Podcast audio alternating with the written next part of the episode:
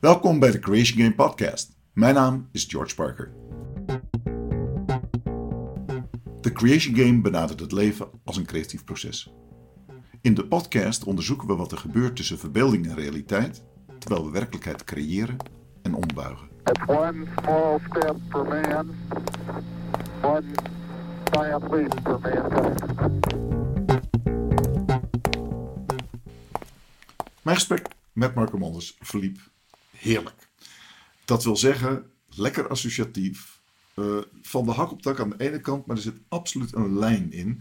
Eh, en zoals met eh creatieve geesten onder, onderling vaak gebeurt, associeer je helemaal erop los. En ga je allerlei zeewegen in en riviertakken ontstaan die daarvoor niet eens zichtbaar waren. Ehm, voor ons vrij goed te volgen, maar ik denk dat we het regelmatig weer even met de pootjes op de grond zetten en de verbinding maken met de praktijk van alle dag. Zoals altijd gaat het over ontstaansgeschiedenissen, eh, impulsen die je krijgt en hoe je dat de praktijk inbrengt en wat die praktijk weer met jou doet. In zijn geval ging het over muziek en zijn bezetenheid van muziek en het spelen in een band. Met nadruk in een band, want het gaat hem ook over de onderlinge contacten. Wat gebeurt er als je ideeën uit elkaar lopen? Wat gebeurt er als iemand zegt: Ik heb het eigenlijk wel gehad met deze band, ik wil verder? Ehm, wat doe je daarmee? Wat is je houding? Nou, er zijn natuurlijk talloze verhalen in de praktijk over bekend. En ehm, Metallica is zelfs in therapie geweest op een gegeven moment. En kwam weer bij elkaar. Intensieve processen als je zo met elkaar iets maakt. En afhankelijk bent van elkaar.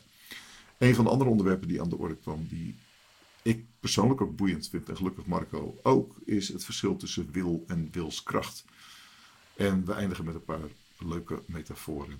En ik hoop dat je ervan geniet.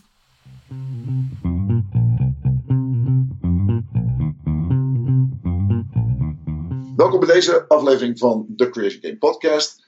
Vandaag iemand ook uit mijn eh, verleden, die ik, eh, waar ik zelfs veel gesprekken mee heb gehad. Ook. Ik herinner me een keer eh, in Almere, ons, ons dorp, in het zonnetje op een terrasje, een, een diep gesprek. En het gaat eigenlijk altijd over iets zinnigs. Tuurlijk over het weer, het voetbal en van alles en nog wat. Maar we zitten eigenlijk altijd binnen de snelheid van het licht op eh, de onder, onderbuik van de werkelijkheid, zal ik maar zeggen. Marco Manders, fijn dat je mee wil doen. Nou, heel erg graag. Fijn dat je me hebt uitgenodigd. Ja. Ja, ja nou, hartstikke leuk. Eh, hoe is het met je? Want we hebben elkaar eh, eh, eh, eh, ja, online wel, maar live zien zoals nu hebben we eh, al een tijdje niet gehad. Wat, Nee. wat zijn je avonturen van de laatste tijd? Nou ja, we, het is een tijdje geleden dat we elkaar, eh, elkaar gesproken hebben. En ja, ondertussen is er best, eh, best veel gebeurd. Ja, Eh, zoals je weet ben ik altijd met muziek bezig geweest. Hè? En eh, ik heb nu besluit genomen om de bank waar ik werk te verlaten. Dus mijn, mijn functie als manager, ja, die laat ik achter mij. En ik ga me helemaal focussen op mijn eigen bedrijf. ja. Dat is, En dat, dat is nogal wat. Voor veel mensen überhaupt. Hè? Dat is, want je zegt ook, dat is niet onder druk van of wat dan ook.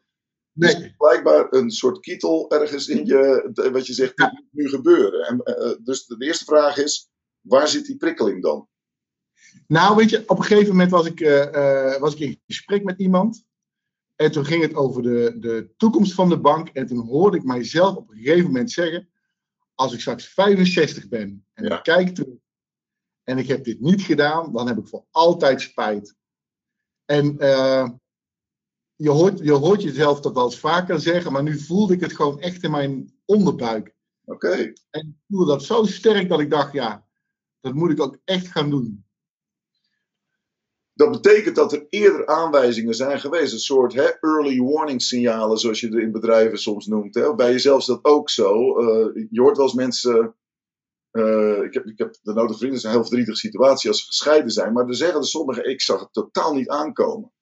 Dat is natuurlijk, maar ik denk dat er altijd wel signalen geweest zijn ergens. Dat het misschien ja. niet meer zo liep als... eh, maar die signalen zijn dan niet zichtbaar, niet hoorbaar, maar wel voelbaar. Of juist andersom. Wat, Ja. wat- wa- als jij heel eerlijk bent, hè?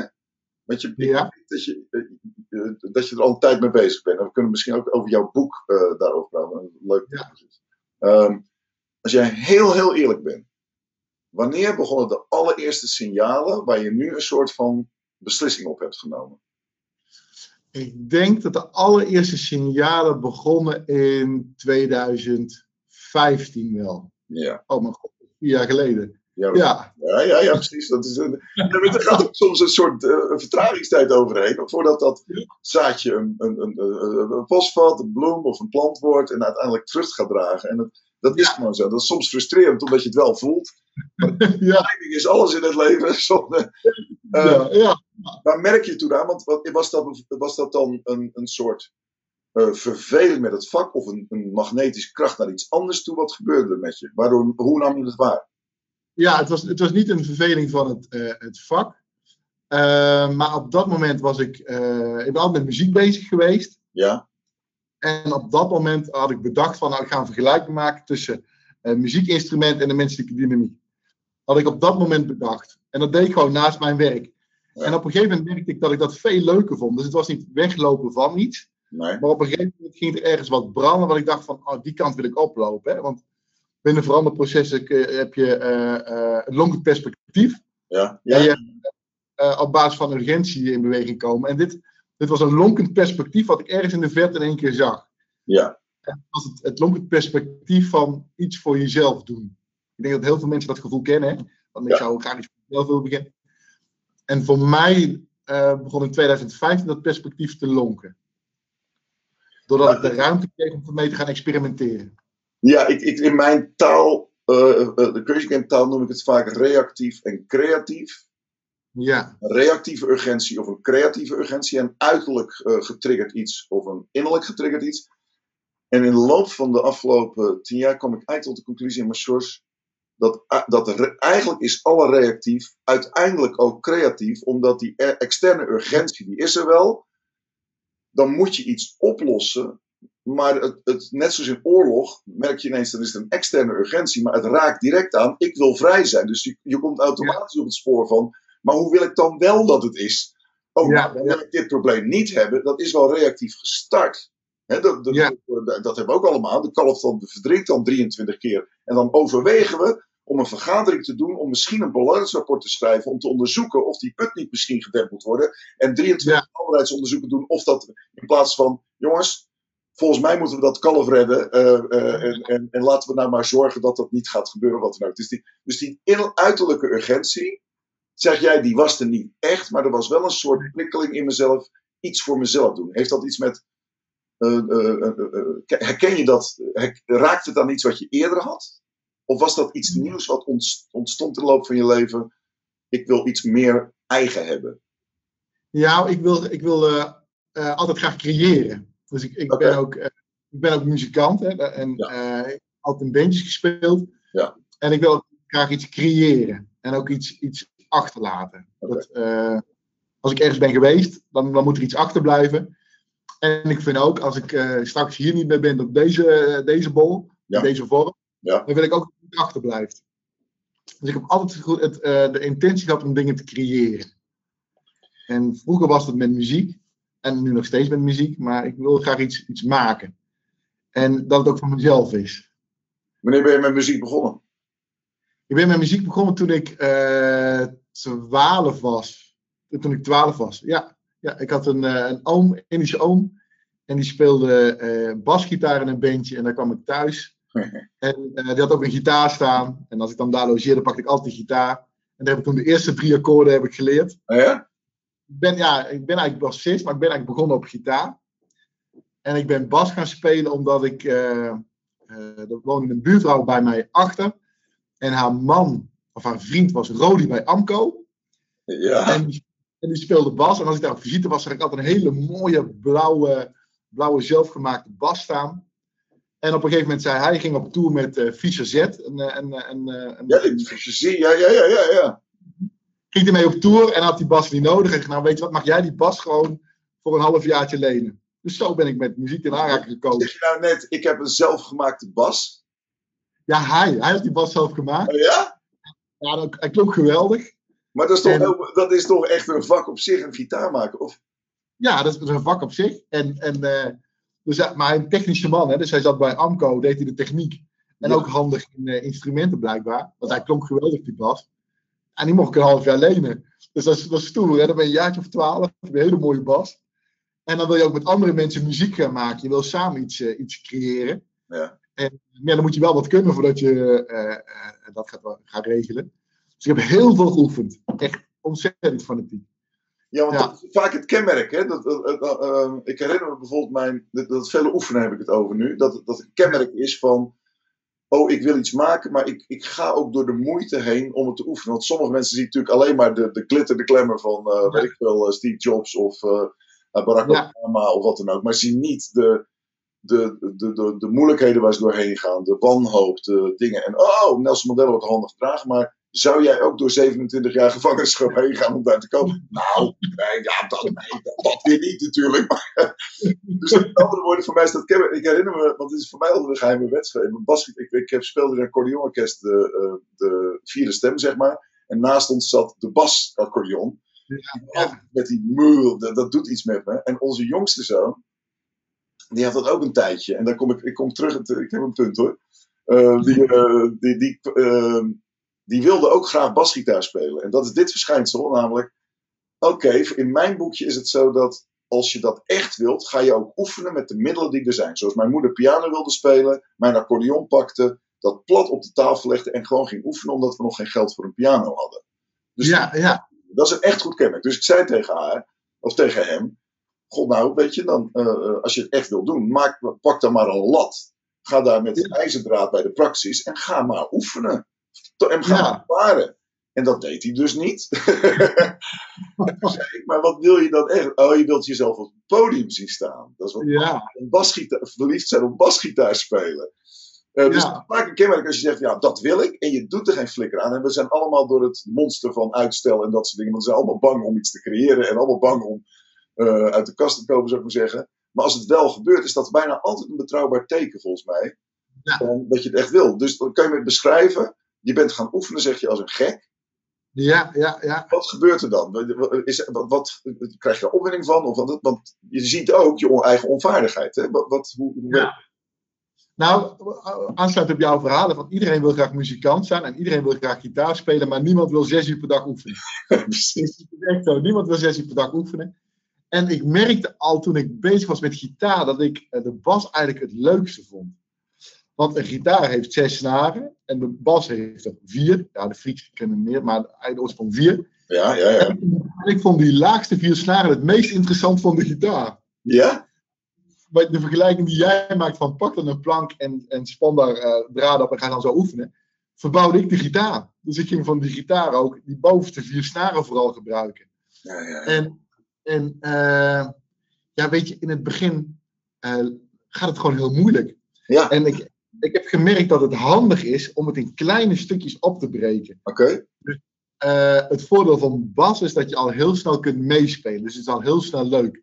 Ja. Waar je als gitarist een, een, meerdere vingers nodig hebt om een akkoord te spelen, Ja. kun je met bas vaak met één toon al wegkomen. Ja. En dus het begin en het meedoen en ergens onderdeel van zijn, gaat met een bas al vrij snel. Ja, En eh, dat zorgt ervoor dat je ook ehm, eh, door blijft gaan. ja. Dan wordt het ook steeds leuker. Hè? Dus je, je, je begint dan eh, met, met één toon. Nou, dan ga je dan zoeken naar het ritme wat daarbij hoort. Hè? En het mooie bij bas is ehm, de, de, de grondtoon op de eerste tel. Dat is eigenlijk het meest belangrijke. Dus je kunt heel snel grooven en swingen door op de eerste tel een toon te plaatsen die dat goed doet. dat is geweldig. Je hebt, je hebt eh, eh, Bootsy Collins, dat is een hele grote eh, funkbassist. Vroeger de bassist geweest van James Brown. En die heeft het altijd over de one. Dus als bassist heb je één verantwoordelijkheid. Dus dat je weet dat jouw tel of jouw bas op de eerste tel moet komen. Je heeft dan over de one. Ja. One. En dan groef je. Dus je hoeft helemaal niet veel te doen. En dan is je belangrijkste taak is de, de slag op de eerste tel en heel stoer kijken. Want dat hoort natuurlijk wel bij een bassist. En zo bouw je dat op. Dus gaandeweg, zeg maar, dan loop je tegenaan dat iets niet lukt. Eh, dat merkte ik toen ik op een gegeven moment stopt het. Kun je, je kunt jezelf niet meer kietelen, hè? Dan, dan houdt het ook op. Ja. En toen heb ik basles, eh, basles genomen. En eh, dan krijg je ook altijd een, een stuk wat iets verder gaat dan wat je nu kan. En op een gegeven moment ging ik eh, stukken spelen van Jacob Pastorius. Uh, hele ja, bekende ja, ja. van, van Miles Davis eh, geweest, de Weather Report. En nou, die dagen je wel uit. Die stukken daag je wel uit. Jo, maar je voegde er net eigenlijk een tweede ding aan toe, namelijk. Bij die bas kan je er snel bij horen. Dus behalve de, de, de, de fascinatie door het instrument zelf en die tonen, blijkbaar doet dat iets met je. Hè? je dat, heb het zo. eh, we hebben wel eh, veel fire dance rituals gedaan, nachten doorlassen, die djembe. Nou, dat gebeurt bij mij ook bij bas, want eigenlijk is het een ritme-instrument ook voor een deel. Ja, ja. Voor een deel oh, je, voelt, je voelt er iets aan toe nou. Eh, namelijk ergens bij horen. Als motivatie ook van, oh shit, ik, ik hoor bij een groter geheel. Is, is, was het Ja. heel helder al? Of was het alleen maar... Nee, dat, dat wist ik, dat wist ik, eh, dat wist ik toen niet. Maar het is voor mij wel heel belangrijk om ergens bij te horen. Als, als persoon. van een, ja, ja, ja. een band. Ja, van een band of van een team. En ik wil er onderdeel ergens van zijn. Oké. En eh, ja, later met allemaal, maar allemaal eh, testjes die je doet over persoonlijkheidskenmerken en dynamieken. Ehm, dan komt ook, kwam ook wel erg uit dat ik een teamplayer ben. Iemand van de verbinding. Ja, En dat kan ik wel terugrelateren aan de bas. Want als, de, als bassist ben je de verbinding tussen de melodie en het ritme. Je staat tussen de gitarist en de drummer in. ja. Kan ik, kan ik niet duiden. En vroeger voelde ik dat gewoon zo. Ja, ja, ja. ja, ja precies. Je kunt het nu ver, eh, eh, in, in woorden uitdrukken. Uh, dus Ja. twee motivatoren die, die ook je aanzetten om daar beter in te worden. En je noemde net ook eh, Pastorius en, en Butch Collins. Je hebt die- mensen waar je zegt, oh, dat ligt een latje hoger dan ik nu kan. Ja. Maar dat is wel eens... Sommige mensen hebben natuurlijk de, de... God, dat ligt een latje hoger dan ik kan. So be it. In plaats van, dat ligt een latje hoger. En volgens mij kan ik er ook komen. Eh, ja, ja. dat is blijkbaar bij jou aan de hand. Hoe, hoe, hoe- en dan zeg je, oké, je had zelfs een soort van strategie om te leren. Weet je, als ik nou een kleine stapje zeg, dan doe ik vandaag dit en morgen dat. Eh, dus je had een soort vroeg ingebouwde, eh, dat, dat innerlijke verlangen, dat creatieve urgentie binnen. Ja, Je voelde ook dat, dat soort dingen, je hebt het doorgezet. Eh, ja. hoe, hoe- hoe- ging het snel genoeg? Want, want er, zijn, er zijn natuurlijk frustraties. Want ik, ik eerlijk, heel eerlijk, ik, dat bas. Ik heb nooit een bas in mijn hand, maar wel een gitaar. Eh, Op een gegeven moment van, oei, oei, dit is toch heel anders dan accordeon. En, en, en shit. En ik had, ik had het dus blijkbaar niet, want ik heb het niet doorgezet. Nee. Nou, als je, de vraag wat jou drijft, hè, en dat is wel. eh, ehm, ehm, gaat, als ik heel eerlijk ben, gaat het ook wel over ego. Oké, eigenlijk dat ik ging, ging, ging bassen ook. Ehm, dan, dan kijk je ook vrienden om je heen, hè, die ook allemaal muziekinstrumenten spelen en je, je speelt met elkaar. En toen was er eh, één jongen bij ons in, eh, in Tiel, een bassist. En daar had iedereen het over. Oké. Daar had iedereen het over. En, eh, en dat was ook. Maar ook de meisjes hadden het daar ook over. Oh, daar hadden het ook over. Want hij viel gewoon op. Dus als er dan een schoolfeest was, daar speelde hij en hij speelde ook met iedereen. En iedereen had over dat zo'n goede bassist was. En toen dacht ik, dat wil ik ook. Zo'n Jacob Pastorius, dat is wat verder weg. Maar deze gast, die stond bij ons op het schoolplein. En toen dacht ik, weet je wat? Ik ga gewoon zorgen dat ik nog beter word dan hem. En eh, wij hadden toevallig ook na elkaar basles. Dus eh, wat, hij kwam, eh, hij was, zat voor mij. Dus wat deed ik dan? Want, oh, dat is een hele bekentenis. Dan kwam ik wat eerder daar naartoe, naar die basles. En dan ging ik aan het luisteren waar hij mee bezig was. en dan ging hij weg. En dan zei ik tegen die leraar, "Ja, ik zou dat en dat zou ik wel willen leren. Dus ik elke keer zeg maar dat ik in ieder geval met hem meekwam. En in het begin heel veel hard voor werk om die inhaalslag eh, eh, te kunnen maken. Maar later was ik wel op, eh, durf ik wel te zeggen, op dat niveau. Dus het was gedreven vanuit, eh, zeker ook vanuit passie. Ja. Eh, maar ook wel vanuit eh, ego. Ik dacht, ja, weet je, dat wil ik ook. Ik wil ook op dat podium staan, net zo goed zijn als hem. En ook dat de meisjes het ook over mij hebben. Ja, dat is heel herkenbaar ook. En het is bijna een biologische drijvende kracht, die misschien in de evolutie belangrijk is. In de zin van, en die heel gevaarlijke kantjes heeft uiteindelijk. Want natuurlijk zit er een alpha male in, hè. Die, Ja. ik heb wel eens een bioloog horen zeggen eh, over die innerlijke. Maar hij zei, ja, dat is nu eenmaal zo. Dat is natuurlijk 10.000, 100.000 jaar evolutie eh, van die hersenen. En, en in ons onder mannenbrein werkt eigenlijk zo dat hij eigenlijk altijd alpha male wil worden. Waarom Ja. dat? Omdat er twee grote beloningen zijn aan het eind als je alpha male bent. Je krijgt gratis eten en je krijgt gratis seks. Eh, en, toen zei hij, dus als jij een, naar je partner van de seksen van je voorkeur. Als, als je naar je partner een gebaar maakt met een bloemetje of weet ik veel wat, dan is dat voor 50% een liefdevol gebaar, hè, jouw creatieve kant, de passie, en voor 50% een verzoek. Ja, ja. En toen dacht ik, en soms is het 90% een verzoek en 10% als ik heel eerlijk ben. Eh, en, en dan word je eigenlijk zo in beschaamdheid op je kaak en denk je dan, oh ja, er zit een biologische kant in me. ja. Maar die kan ik ook gebruiken. Als je het natuurlijk helemaal doorzet, dan kom je op hele eh, part-time fascistische of compleet fascistische dingen. Als dat Ja. tijdig wordt. Dus je beschrijft nu volgens mij twee krachten van, hé, hey, er zit een passie, dat is heel gaaf. En er is niks mis met zo'n motivatie, want op het moment dat je blijft toestemming geven daarvoor, of af blijft stemmen, en je doet er geen eh, overdreven Nee. algemeel dingen mee, zoals eh, een aantal mensen in de geschiedenis en, as we speak, een aantal politieke figuren dat doen. ja. Hoe, eh, heb je dat, ik, is, ik ben natuurlijk nieuwsgierig naar het vervolg. We zitten in de muziekschool, we, we zien Marco spelen. Hij gaat stiekem inderdaad van, oh, oké, dat doet hij. Ik ga weer in feite, hè, copy then create, zou ik maar zeggen. Maar, Ja. oké. Eh, en- en- en hoe zette zich dat voor? Eh, eh, Geen spoilers natuurlijk, want ik wil natuurlijk direct weten. En heb je op dat podium staan en waar die meiden helemaal wilden. Ah, Marco, man! Nou, nee, er kwam blijkbaar nog meer bij kijken dan alleen goed bassen voordat ze helemaal wild werden. Oh, ja. Nee, maar het heeft, het heeft, mij, wel, eh, het heeft mij wel heel veel eh, gebracht. Hè. En, dan- en ook op, eh, eh, ehm, eh, ook op scho- schoolfeestjes. Hè. Je bent gelijk een stuk interessanter wanneer je in de band zit. En je speelt overal. En, eh, en, eh, maar dit is niet alleen maar, zeg maar de aandacht die je krijgt, hoewel dat wel eh, eh, belangrijk is. Want als je iets doet, is het belangrijk voor jezelf om het goed te doen. Maar je wil ook dat andere mensen het, eh, het leuk vinden natuurlijk. Ja, ja. En eh, ja, wat ik hoopte dat eruit zou komen, is ook altijd wel uitgekomen. Hè? Dus aandacht en met elkaar dingen doen en muziek maken en, en, en, en elkaar ook steeds beter maken. En dan ook beloond worden door applaus. Hè? Dat is eigenlijk nog wel belangrijker dan de centjes ermee verdienen. Hè? Waardering krijgen. Dat, Ja. dat zegt misschien ook wat over mij, maar dat waardering krijgen vind ik ook heel erg belangrijk. ja. En dat heb ik wel, wel teruggekregen. En ook vanuit dames, ja hoor. Ja, dat is allemaal wel, eh, dat is allemaal wel goed gekomen.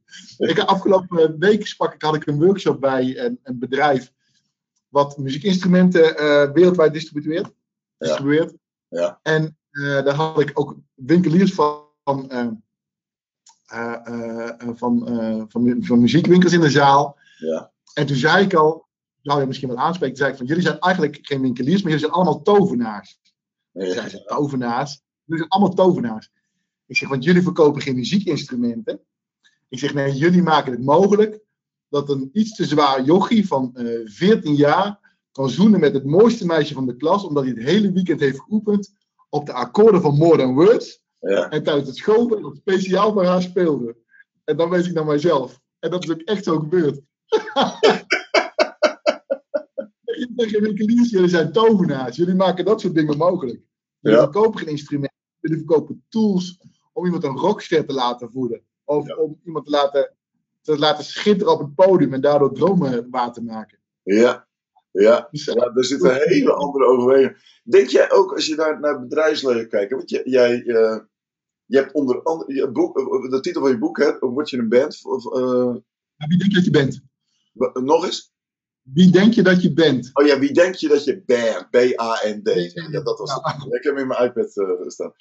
Ehm, eh, dat gaat ook over die transitie van hey, deze gevoelens die je nu beschrijft. Hè, laten, we, de stap maken naar als we dat projecteren op het bedrijfsleven. Want daar, daar gaat onder andere dat over. Hey, dat, dat zijn dezelfde soort gevoelens als je Ja. een team zou willen hebben. Er zijn natuurlijk heel veel bedrijven, oh ja, ja dan wordt een creatief team en dat soort dingen. En, en dat is niet een good fit, maar er zijn wel dezelfde gevoelens. Want, want als je naar een accountantsbureau kijkt, dan denk je, god, dan zit je toch op die vierkante centimeter. Het echte teamgevoel op de werkplek is ook als je echt letterlijk samen speelt tegelijkertijd op dat moment. Er zitten Ja. aspecten van in en het gevoel kan opgeroepen worden, maar uiteindelijk is dat niet zoals het functioneert bij een accountant bijvoorbeeld Nee. niet eens in een vergadering. Dus kan je iets vertellen over hoe die gevoelens, die we wel kennen, en hoe je dat bandgevoel, eh, eh, waar je erg blij van wordt, en het, dus het performen, de alpha mail kant, de, de schitterkant, het waardering krijgen voor, Hoe, hoe werkt dat dan in de praktijk van een, een organisatie? Nou, wat ik heb, wat ik heb, ik heb een veranderkundige, los van dat ik muzikant ben, heb ik een veranderkundige achtergrond. Ja, Ik heb heel veel dingen uit de theorie heb ik heel makkelijk gemaakt. En ik heb gekeken van wat zijn nou de essentiële onderdelen, zeg maar, die een band eh, eh, in ieder geval met plezier laat samenspelen. En dan ook nog een keer succesvol laat zijn. ja, Het is dat je vertrouwen in elkaar moet hebben. Nou, dus een redelijk open deur waar bijna niemand doorheen loopt. Ja. Dat je kritisch naar elkaar eh, durft te zijn. Dat je enthousiast naar elkaar moet zijn. En dat je dezelfde doelen hebt. Ja. En, en dat beginnen met dezelfde doelen. Vaak zie je binnen een bedrijf eh, dat niet altijd gesproken wordt over dezelfde doelen. ja, Het is wel belangrijk dat je dezelfde doelen hebt. Je kunt wel andere drijfveren hebben. Hè? Zoals in een band speelt eh, eh, de gitarist speelt in een band omdat hij graag eh, eh, aandacht wil hebben. De drummer speelt in een band omdat hij centjes wil verdienen bijvoorbeeld. De bassist speelt omdat hij beter wil worden. Maar het doel is dat je zoveel mogelijk wil spelen. Ja. En eh, als het dan gaat, over passie en wat, wat drijf je, de drijfveren, is het belangrijk om dat inzichtelijk te hebben binnen een bedrijf. Maar dat hebben ze vaak niet. nee, Je krijgt doelen van buiten krijg je opgelegd. En hoe die doelen dan aansluiten bij de persoonlijke drijfveren, daar hebben we het gewoon niet over. Of daar hebben we het vaak niet over, omdat mensen verwachten, ja, dit zijn de doelen en daar moet je maar voor gaan. ja. Begrijp je? Nou, eh, ik zit vooral te denken aan, maar dat is toch eigenlijk raar, want bedrijven hebben in training altijd over missie en doelen en dat soort dingen. Maar blijkbaar schort er iets aan. eh, Ja. eh, als, jij, als jij het hebt over dat doel. Is, kun je beschrijven wat, wat er dan aan schort? Dat, want, want als iemand zegt het doel is ons target en hij wijst een Excel-sheet aan met dat, dat is misschien wel een doel in cijfers, maar in die band is dat geen doel in cijfers. Je zegt zoveel mogelijk optreden, dat, dat zit hem veel meer in belevingsfeer. Wat, wat, schort er dan aan doelen in bedrijven? Want die hebben ze wel degelijk als ze een jaarplan opstellen, denk ik dan. Ja, ja wat, er- wat, er, wat er volgens mij dan schort zeg maar, aan die doelen, is dat er, dat er onvoldoende aansluiting wordt gezocht zeg maar, bij, de, eh, bij de drijfveren van mensen. Oké. Eh, bij, de, bij, de, bij de why.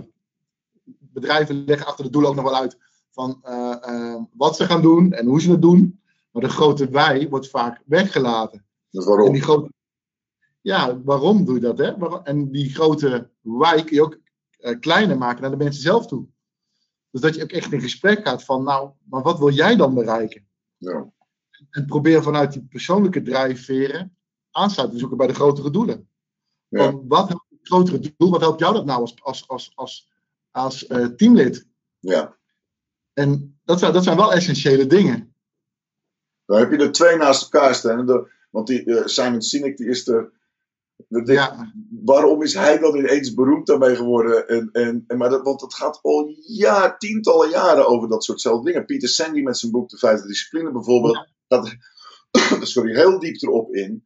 Maar wat maakt dan dat hij ineens, omdat het simpel is. En ik heb ook het gevaar dat een opmerking die meteen weer maak. Dan zie ik mensen helemaal verloren raken in het waarom. Nou, we hebben weer Ja. een obsessie gehad. We hebben weer gevoeld. Ja, en wat is er gebeurd?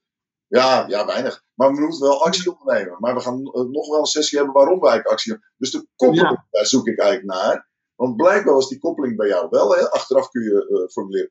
God, er was een verlangen, ik wilde beter worden. Er waren meisjes op het podium of, of die me Ja. zouden bewonderen. Er was dit, er was ergens bij horen. Al die motivatie kun je nu eh, articuleren wat dat is. Dus er zat wel degelijk een waarom achter. Maar er zat ook een direct gekoppelde actie achter. Dus twee dingen. ja, Die koppeling. En het tweede is, je hebt persoonlijke waarommen. De druk, Ja. zoals je net beschrijft. En je hebt overkoepelende waarommen. Die misschien lastig te beantwoorden. Want waar zijn de op uit als band? Dus even eerst naar de band toe. Praten jullie daarover in de band? Het overkoepelende waarom? Of was dat een onuitgesproken... Hoe, hoe werkt dat? nee. Nee, dat dat is ook, ook leuk om te vertellen. Daar hadden we het heel veel over. Want ehm, ik, Oh. ik, ik speel. Op een gegeven moment speelde ik met, eh, eh, met vrienden samen en kregen we een, een top 40 band. En wij speelden best veel. Wij speelden op grote bedrijfsfeesten, grote tentfeesten. Wij waren soms voorprogramma voor eh, eh, bekende artiesten. ja, ja. En dat ging ook echt heel erg goed. En wij verdienden daar ook eh, ons zakcentje mee. Dus onze why was, we willen zoveel mogelijk spelen. En waarom Ja. doen we dat? Omdat we willen zorgen dat de mensen dansen. We hadden ook altijd als regel van, wat blijft er over als de muziek straks stopt? Wij waren niet de allerbeste muzikanten, maar wij zorgden altijd wel dat we deden waarvoor we kwamen. Dus wij wisten heel goed wat we, eh, wat we leverden. Ehm, maar als je het dan over de wij in de band, op een gegeven moment eh, was de zangeres in onze band. Die had een andere ambitie. Die wilde bijvoorbeeld eigen nummers gaan maken. Ja. Dus die wilde eh, beroemd worden. En die wilde een nummer 1 hit scoren. Maar wij met de band hadden een andere waai. Wij wilden vooral veel op het podium staan. Centjes verdienen, mensen vermaken. En we hadden wat minder dat eigen nummers en, eh, en een, een nummer 1 hit scoren. Ja. Dus op een gegeven moment hadden we het daarover binnen de band. Oké. En ik kan me dat gesprek nog heel goed, eh, goed herinneren. Eh, en deze, deze, deze, deze zangeres gaf ook aan van ja, onze, onze wij sluiten niet meer op elkaar aan. Dat noemden we toen niet zo. Nee, nee, Maar we willen Ja, ja. Alle twee wat anders. En toen hebben we het over gehad met elkaar. En zeiden we, nee, wij willen echt door als, als band, snabbelen. En jij hebt een, een droom, dan, dan moet je voor gaan. En eigenlijk, dat is een pikant detail dit, want het krijgt een heel leuk einde dit, krijgt een heel leuk einde. Eigenlijk geloofden wij daar niet zo in als band. Wij dachten, zo'n zo'n droom, hè, zo'n nummer 1 hit scoren en, en bekend worden, dat zien wij niet gebeuren. Nee. Tot een gegeven moment wij eh, televisie zaten te kijken. En deze dame in één keer Your Big Break won. En eh, een half jaar later bij een vol TMF stond om haar eh, nummer eh, te zingen. Echt waar? ja. Dus dan kun je, mensen die het luisteren, die mij kennen, die kunnen terugredeneren wie dat dan was. Maar die dame scoorde een nummer 1 hit. Die heeft heel lang op nummer 1 gestaan. In een vol, Ja. een vol ahoy kreeg ze een TMF Award. Zat Your Big Break, een van de allereerste talentenshows op, op de Nederlandse televisie, heeft ze gewonnen. En daar zaten wij dan na onze repetitie bij, eh, bij, een, eh, bij de, de gitarist op zijn kamer te kijken naar de televisie waarop zij stond. En weet je wat dan het leuke is? En dan geef ik ook altijd mee met de workshops die ik Ja. Het leukste was dat wij allemaal trots waren.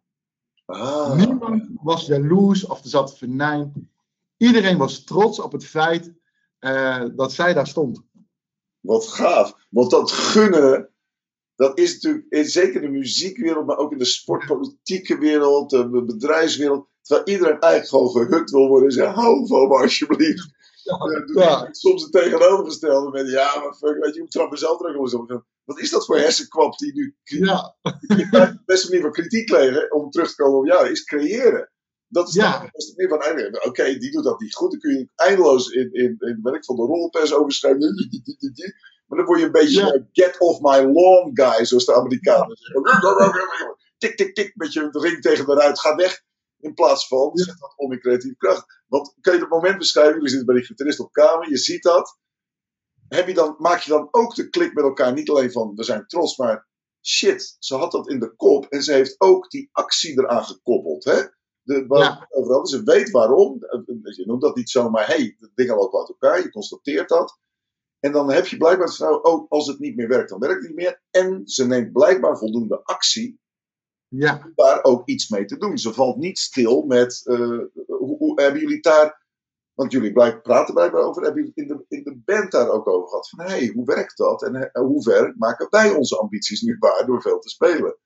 Ja, nou, kijk, en dat, dat, daar kwam uit zeg maar, dat wij niet jaloers waren, omdat wij echt bewust gekozen. Wij willen die kant niet op, wij willen gewoon echt veel spelen. Dus dat zorgde ook wel voor dat het een bewuste keuze was. Ja, Waardoor je ook blij voor, eh, eh, voor die ander kon zijn. En ehm, als band eh, kan ik niet zeggen dat dat ons eh, heeft gemotiveerd, zeg maar. Of we vonden het wel heel stoer van haar en we waren heel trots. Maar als persoon, ehm, over mijzelf, heeft me dat wel heel veel inzicht gegeven. Want ik dacht, moet je maar kijken, als je echt iets wil, en dat klinkt als cliché, hè, maar je ziet het, hè, als je echt iets wil, en ook al zit er eh, eh, vijf jongens om je heen, die heel hard roepen dat het gewoon echt niet kan en dat het niet gaat gebeuren, dan kan het zo zijn, zeg maar, dat eh, twee jaar later, of misschien nog wel korter, dat je in één keer daar bent. Ja. En dat kwam allemaal door de acties die zij, die zij had gedaan. Ja. En, het, het, ik kan niet voor haar spreken, zeg maar, maar, maar zij, was, zij had zo oog voor waar zij wilde komen, zo'n duidelijke focus, ehm, dat ik, maar dat, dat- dan spreek ik voor haar, dat volgens mij het pad ehm, kon misschien elke keer wel een andere zijn. Ja. Maar het wist wel gewoon waar het uit moest komen. Ja. En dat heeft als persoon, en daarom kan ik ook, ben, ik ook heel, ben ik ook heel trots op wat ze gedaan heeft. Inspireerde mij dat wel. Dat ik dacht, jij moet je kijken, joh, heel veel mensen, een hele band. En dan ben je ook een jaar of twintig. Iedereen zegt van nee, dat, dat kan allemaal niet. Ja. En toch weet je dat realiseren. Ja. En dat heeft mij altijd voor gezorgd dat ik altijd denk van zie je wel, eh, eh, laat, je niet, laat je niet van de wijs brengen. Laten we even heel- duiken, want, want, want je noemt een aantal dingen die voor mensen, hè, want dat kan bijna. Dat, dat hoor je heel veel. Eh het grote boek van de creativiteit, wat ik ooit geschreven had als subtitel, diepduikend in wat gebeurt hier nou eigenlijk. De uitspraak is: waar een wil is, ontstaat een weg. Maar de subtitel heb ik hem gegeven: waar een, de, waar een wil is, is een weg. En ik gaf de subtitel: waar een wil is, ontstaat een weg. Die is er nog niet. Maar door iets te willen, Ja, ga je hem maken of baan je je een weg die er daarvoor gewoon niet was. Of, of maar in delen was. Nou wil ik ingaan op de wil. Want, want ik heb in de loop van de tijd leren onderscheiden wilskracht aan de ene kant en de wil aan de andere kant. Dat zijn voor mij, ik weet niet of je dat Ja. zijn voor mij verschillende begrippen. Als ik zeg wilskracht is iets anders dan wil, is dat iets wat je. Wat, wat, nee, kun je dat uitleggen? Oké, nou ja, oké. Als ik judo-wedstrijden deed, dan was ik af en toe bang voor mijn tegenstander. En dan waren die twee krachten allebei aan de hand. De wilskracht, eh, denk ik, oh, die ga ik tegenkomen de komende wedstrijd. De wilskracht om dan te zeggen, kom toch maar uit je bed en overwin even op korte termijn deze weerstand tegen trainen. Want, nou, eh, Ja, maar de wil, het diepere verlangen, lag eigenlijk in dat overkoepelende. Dus de wil heeft voor mij met een zachte kracht van binnen te maken. Eh, niet een wilde emotionele kracht. Dat heeft veel meer met wilskracht te maken. De korte termijn overwinnen. Power up, man up, come up. Zet hem op. Ja. Als je dat doet, dan is bijvoorbeeld met stoppen met roken. ehm, als de wil je dicteert, dan zeg je uiteindelijk ben ik verliefd. Ik voel liefde, een aantrekkingskracht. Je noemde het net het soort longer perspectief. Hè? Die magneet, die uiteindelijk, ik verlang naar gezond zijn. En als dat diep genoeg is, dan heb je een lange termijn motivator. Eh, ja, En aan de andere kant de wilskracht om elke dag weer, eh, weet ik veel, als iemand bij wijze van spreken een pakje per dag loopt om, om eh, weet ik veel, eh 15, 20 of 25 keer. Oké, weer een moment overwinnen. Dat is wilskracht. Dat is ook een uitputtende kracht. Als daarachter niet die diepe, dieper liggende kracht ligt van een verlangen naar iets anders. ja, En ik geef je een voorbeeld, een tweede voorbeeld om het te doen in diezelfde, om, om te begrijpen wat ik daarmee bedoel. Iemand, ik moest ooit eh, eh, eh, een, een, een, voor de eh, obesitaskliniek een, een dagvoorzitterschap doen. En daar stonden een aantal mensen die hadden zo gastronomic, of guest, guest, gastronomic, volgens mij nee, in ieder geval die bypass. eh, Die lieten ja, ja, ja, ja, ja. Eh, die hebben we ook in allerlei kleuren en geuren. ge- ja. dus het was echt een interessante operatie om te zien van binnen. Dat is fantastisch. Maar er stond ook iemand die, eh, ik kan, ik hoef geen namen te noemen, maar het was iemand die, waar ik erg onder van de indruk was. En die was ook afgeslankt, zeg maar. En toen vroeg ik hem om het waarom. Waar we het Ja. over hebben. En toen zei hij, en hij schoot eigenlijk ook direct vol, anders zou ik mijn kleinkinderen niet zien grootgroeien. Jouwzelfde vraag, hè? als ik 65 ben, dan ga ik hier spijt van krijgen wat je helemaal krijgt. Dus die spoelde vooruit. En toen kwam hij bij zijn wil, niet bij zijn wilskracht. Want hij heeft natuurlijk met wilskracht, die, eh, van alles heeft hij natuurlijk geprobeerd. Van hé, hey, dit wil ik niet meer. Ja. En in één keer kikt er iets in van, oh chill. En ik Ja. nu zelfs kippenvel, eh, eh, eh, als ik terugdenk aan dat moment. Oh wow man. Dus je zag in één keer wat er in de toekomst zou gebeuren. En toen kwam je bij je wil. En dat is Ja. anders dan die korte termijn. Ik overwin nu dat ik even geen cola drink of chocola eet. Of, of e- even te veel eet. Niet dat er iets mis mee is. Maar nou ja, weet je, daar moet iedereen zijn weg in vinden. Eh, Ja. maar, maar, maar er zit meer van, oh, ik, ik herken die momenten wel van over. Dus wilskracht, korte termijn en soms uitputtend. Wil gaat even een paar slagen dieper en is veel duurzamer als motivator. Is dat bijvoorbeeld wat, zodat ik je in de reden vallen? Is dat bijvoorbeeld ook iets wat eh, Lul te veel. Tony Robbins ook vaak over vertellen, hè?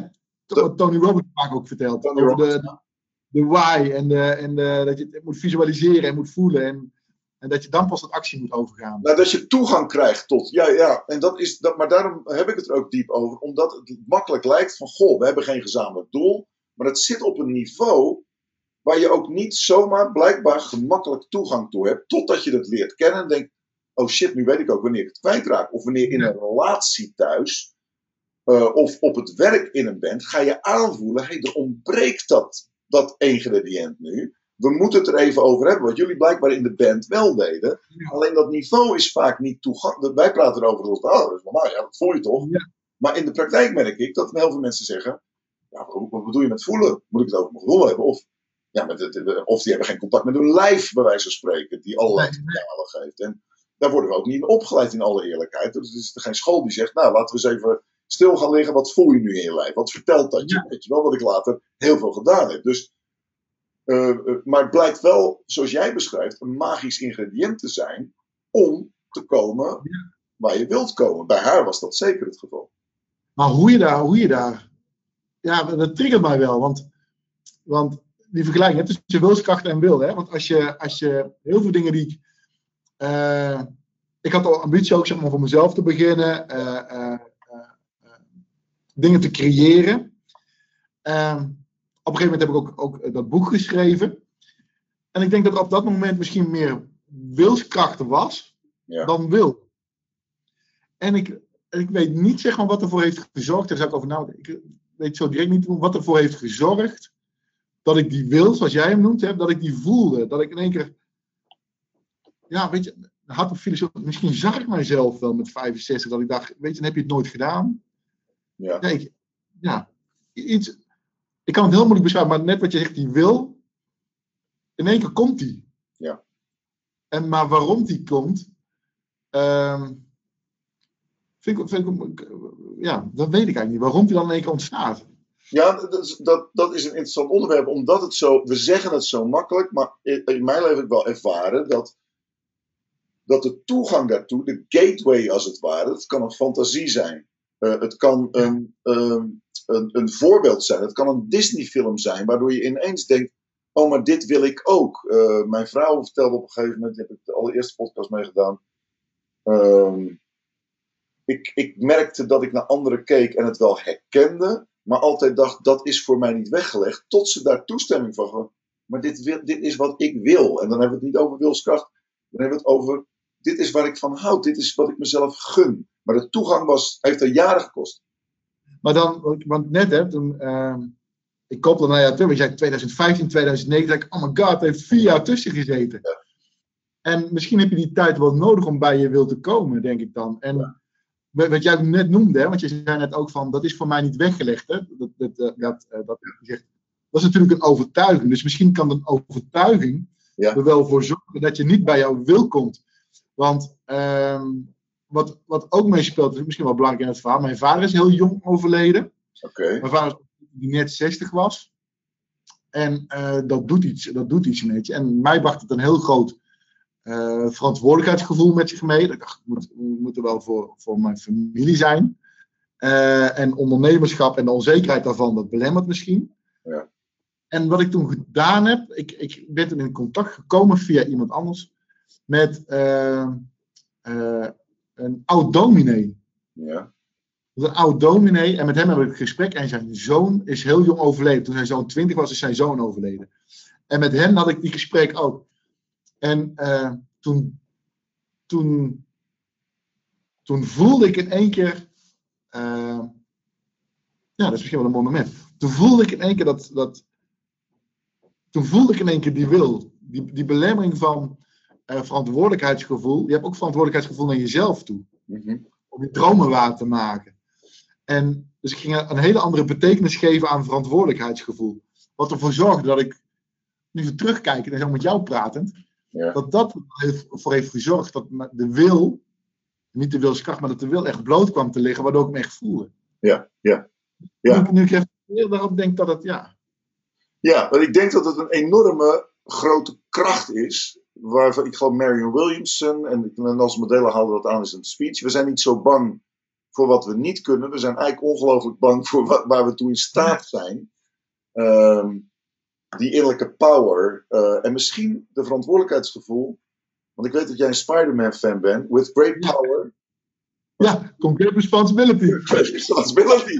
En het zou heel goed kunnen zijn dat, dat die power, dat, dat dat bedoeld wordt met die wil. Van wow, als ik daar ja tegen zeg, komt daar ook de verantwoordelijkheid bij om actie te ondernemen. Hè? Dan krijg je weer die koppeling. Ja. Tegenwoordig, dan krijg je het woord als eigenaarschap. Maar als je dit gevoel niet kent, kom je daar, Ja. wat jij zelf zegt, ik heb in de loop van leven ook van, oh shit, dit is angst. Ik begin met, daar krijg je als lichaamswerk 20 sessies gedaan. En dat was ook, oh, dat is een soort therapie. Hè? Je komt in contact met je lijf, begint te voelen. Begin jaren 90 was dat. Daarvoor had ik rebirthing gedaan. Ik ben polariteitsmasseur geweest. Dus heel veel in dat lijfwerk gezeten. En dan merk je ook, shit, ik begin mijn angsten te worden. Dit is niet alleen maar leuk. Ik begin veel sensitiever te worden. En mijn eigen neu- neurotische gedachten, angst en dat soort. Je leert daarmee omgaan. Uiteindelijk is het een complete zegen. Omdat je veel makkelijker via die gateway bij die wil komt. En het tweede is, daar zit inderdaad een soort bijna gewetensvol iets bij. Maar als ik dit voel en ik doe dat, dat klopt niet met elkaar. Daar Ja. moet ik iets aan doen. Oh shit, dat kost moeite. En we zijn liever lui dan moe, weet je wel. Dus, eh, dat verantwoordelijkheidsgevoel, jij zegt net. Ik, ik, ik weet dat ik altijd heel snel schakel. En volgens mij. Ja, ik kan je volgen. Oké. Eh, en soms moet ik het even herhalen, omdat sommige eh, luisteraars misschien te snel gaan. Dus ik moet slow the fuck down, George. Dan ga ik er wel. Eh, dus we hebben het over de drijvende kracht van, om het even samen te vatten, van een band. Je we projecteren dat op een organisatie. God, dat, de koppeling met het waarom, waarvanuit word je gedreven, is nogal belangrijk. Op persoonlijk niveau en op organisatieniveau, de hoogleraar. We hebben toen vervolgens gepraat over de, de band die zegt, oh daar hebben wij het over. Wat volgens mij al bijzonder is, zeker voor een jonge band, om te zeggen, waar vergelijken we? En op tijd waarnemen, oh dat begint niet meer te lopen. Vervolgens iemand zijn die de acties aan verbindt, dus de verantwoordelijkheid neemt daarvoor. En zegt, ja, dit is blijkbaar wat ik wil. Ik kan er ook niks aan doen, maar daar hoort wel, with great power comes great responsibility. En uiteindelijk, je ziet het gebeuren en je denkt, wauw, dat is gaaf.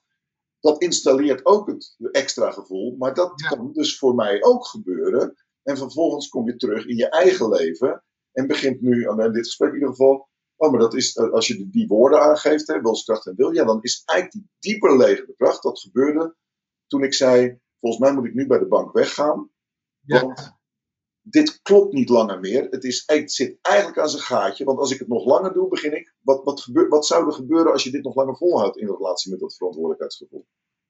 Ja, dan, dan loop je, dan loop je eh, ja, dat weet ik, misschien wel lichamelijke klachten, dan lo- dan loop je vast. Ja? Eh, als je dat zo vasthoudt. Heb je daar wel eens, heb je daar voorbeelden van meegemaakt?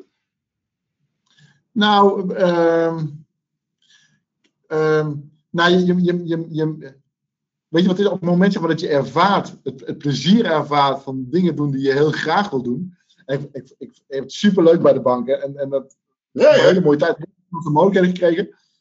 Maar op het moment zeg maar, dat, je, dat je merkt dat je daar eh, eh, tegen jouw plafond aanloopt, dat je, dat je meer wil, dan ervaar je niet zozeer de negativiteit, maar je, je ervaart zeg maar, het, hoe fijn het voelt om het plezier te hebben en te creëren wat je graag wilt creëren. Ja. Dus het is niet zo dat je, dat, je, dat je dan lichamelijke klachten hebt van ik doe iets en ik loop vast of zo. Ja.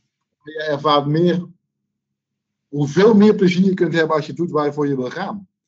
En jij maakt net ook net een opmerking, vandaar dat ik net even wat haperde in mijn woorden, omdat ik daarover ging nadenken. Ja.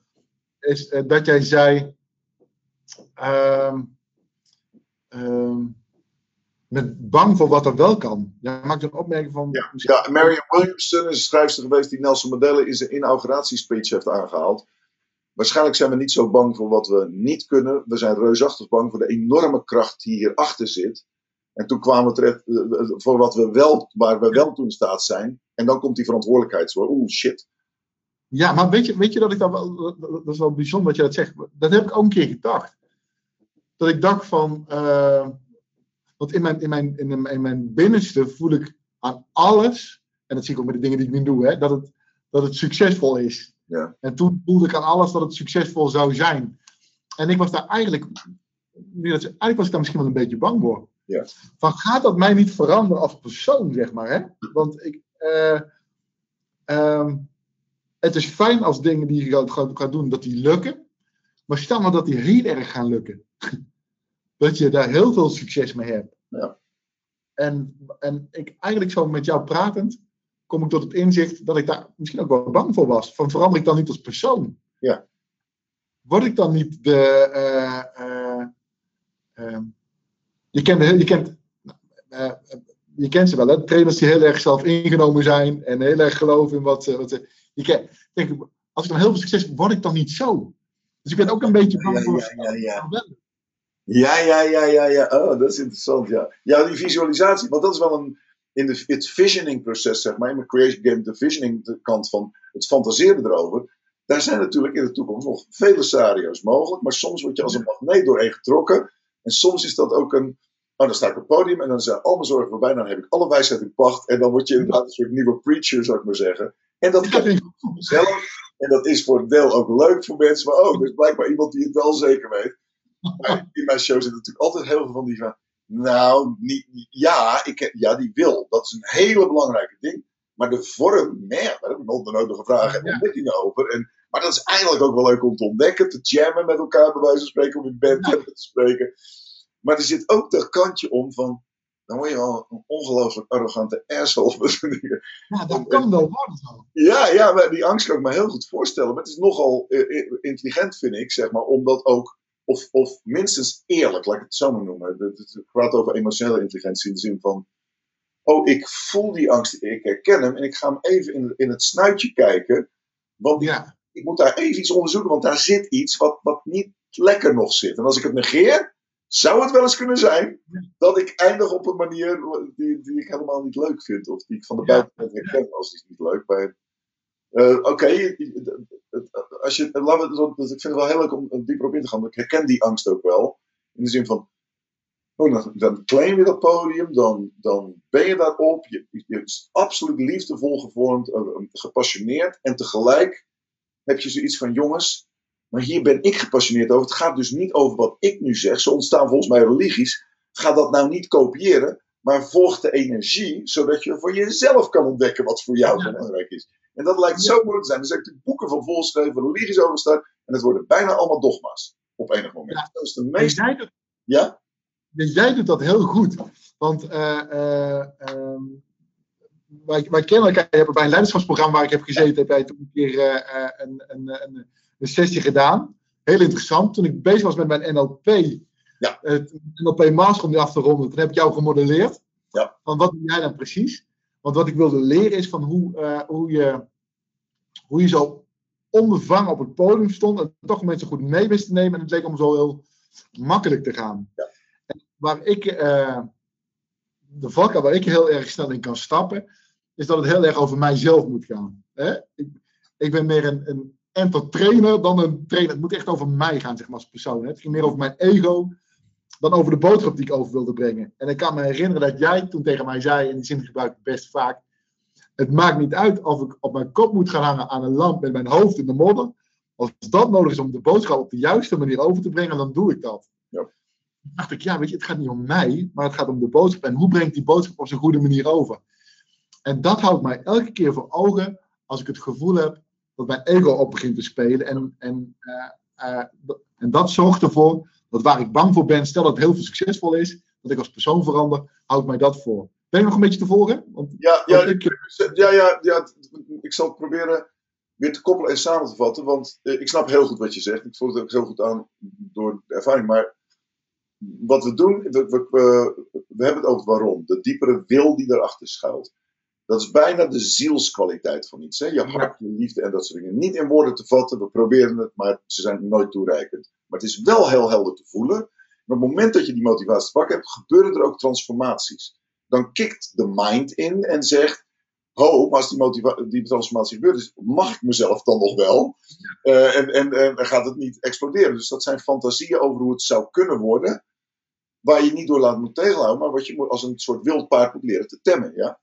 Ja, en ik denk dat dat, eh, al die dingen, zeg maar, als we nu doorfilosoferen samen, dat het al als een schil om jouw wil heen zit. Ja, Dus jouw, ja. jouw wil wordt vastgehouden door al die dingetjes. Ja. Die zit als een soort, eh, soort sinaasappel eromheen, als sinaasappelschil eromheen. En gaandeweg moet je die afpellen. En er zijn verschillende momenten en verschillende gebeurtenissen die zorgen dat je gaat pellen. Ja. Dus je moet ook nog beginnen met pellen. En dan moet de schil ook nog afgaan. Dus Ja. je kunt wel heel hard gaan pellen, om die metafoor te gebruiken. Ja. Maar de schil hoeft er niet altijd af te gaan. Nee, er zit soms een los velletje en soms zit hij heel erg gehecht aan de sinaasappel. Eh, ja, want, en dat is ook een beschermingslaag, dus het is niks fout mee, maar het is meer van, oh, ik heb, moet dus moeite doen om toegang te krijgen tot die ziel. Of misschien wel, uiteindelijk is dat wat we geweten noemen, hè? als je in contact bent geweest met die wil. En die zegt eigenlijk, joh, hallo, volgens mij is dit je volgende stap. Ja, maar help, en word ik dan niet dit, en die worsteling.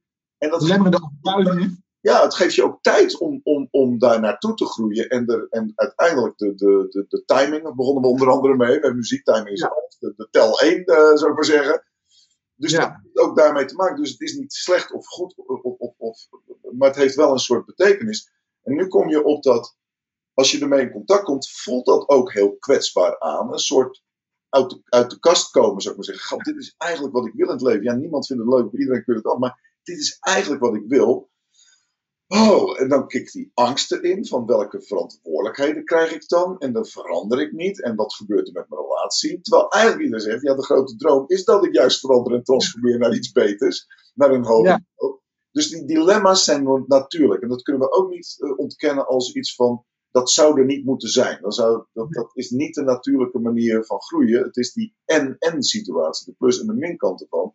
Dus nu hebben we het over de ziel en het waarom. En wat jij net beschrijft is de, ehm, de, het contact ermee, het afpellen daarvan en in contact ermee komen als een belangrijk moment om daar telkens naartoe te gaan om dat waarom te beantwoorden. Klopt dit Ja. nog wel? Ja, precies. Want, want, en dan is het zo belangrijk hè, dat op het moment zeg maar, dat eh, eh, ehm, je even naar je toekomst kijkt, hè, dus je doet iets, iets van die schil haal je, haal je weg. Ja. Ehm, dat wat je dan ziet en wat je dan terugkrijgt is wel heel erg belangrijk. En daarmee bedoel ik, als ik dan ook, ehm, we hadden het net over kleine stapjes, hè, van, de, de weg is nog niet duidelijk, maar je weet wel waar je naartoe wil. Ja. Op het moment dat je die kleine stapjes zet en de feedback die je dan krijgt, die kan ervoor zorgen dat je die schil sneller afpelt of gauw weer het, eh, het schilletje terug eh, doet. Ja. Want op het moment zeg maar, dat je een, eh, met andere mensen deelt, bijvoorbeeld ik wil voor mezelf beginnen, Ja. en andere mensen zeggen om je heen, "Oh, ik zou het echt niet doen, want je hebt het zo ontzettend goed bij de bank, trek je dat, schilletje, dat schilletje weer dicht. Ja, ja, Ehm, je daar bewust van zijn, dat brengt ook al heel erg veel. En zo, ehm, ehm, dat merk ik ook, hè, als ik, eh, mag ik nog een voorbeeld geven? ja graag, graag. Wat ik, ik, in mijn band, hè, eh, waar, ik, waar ik vroeger mee, mee speelde, en ook in, in deze band, waren we met z'n, even kijken, met zonder mensen tekort, we waren met z'n, met z'n vijven. Ja. Eh, iedereen zong, behalve ik. Want ik kan absoluut niet zingen. En dat was, een, dat, was, dat was iets wat ik zelf bedacht had. Ik kan ook niet zingen. Maar dat werd ook bevestigd vanuit mensen, of door mensen om mij heen. Mhm. En we hadden zoveel goede zangers in de band. Het was ook niet nodig dat ik, eh, eh, dat ik, eh, dat ik zong. En, en nu speel ik in een band. En ik dacht, ja, weet je wat, ik wil ook zingen.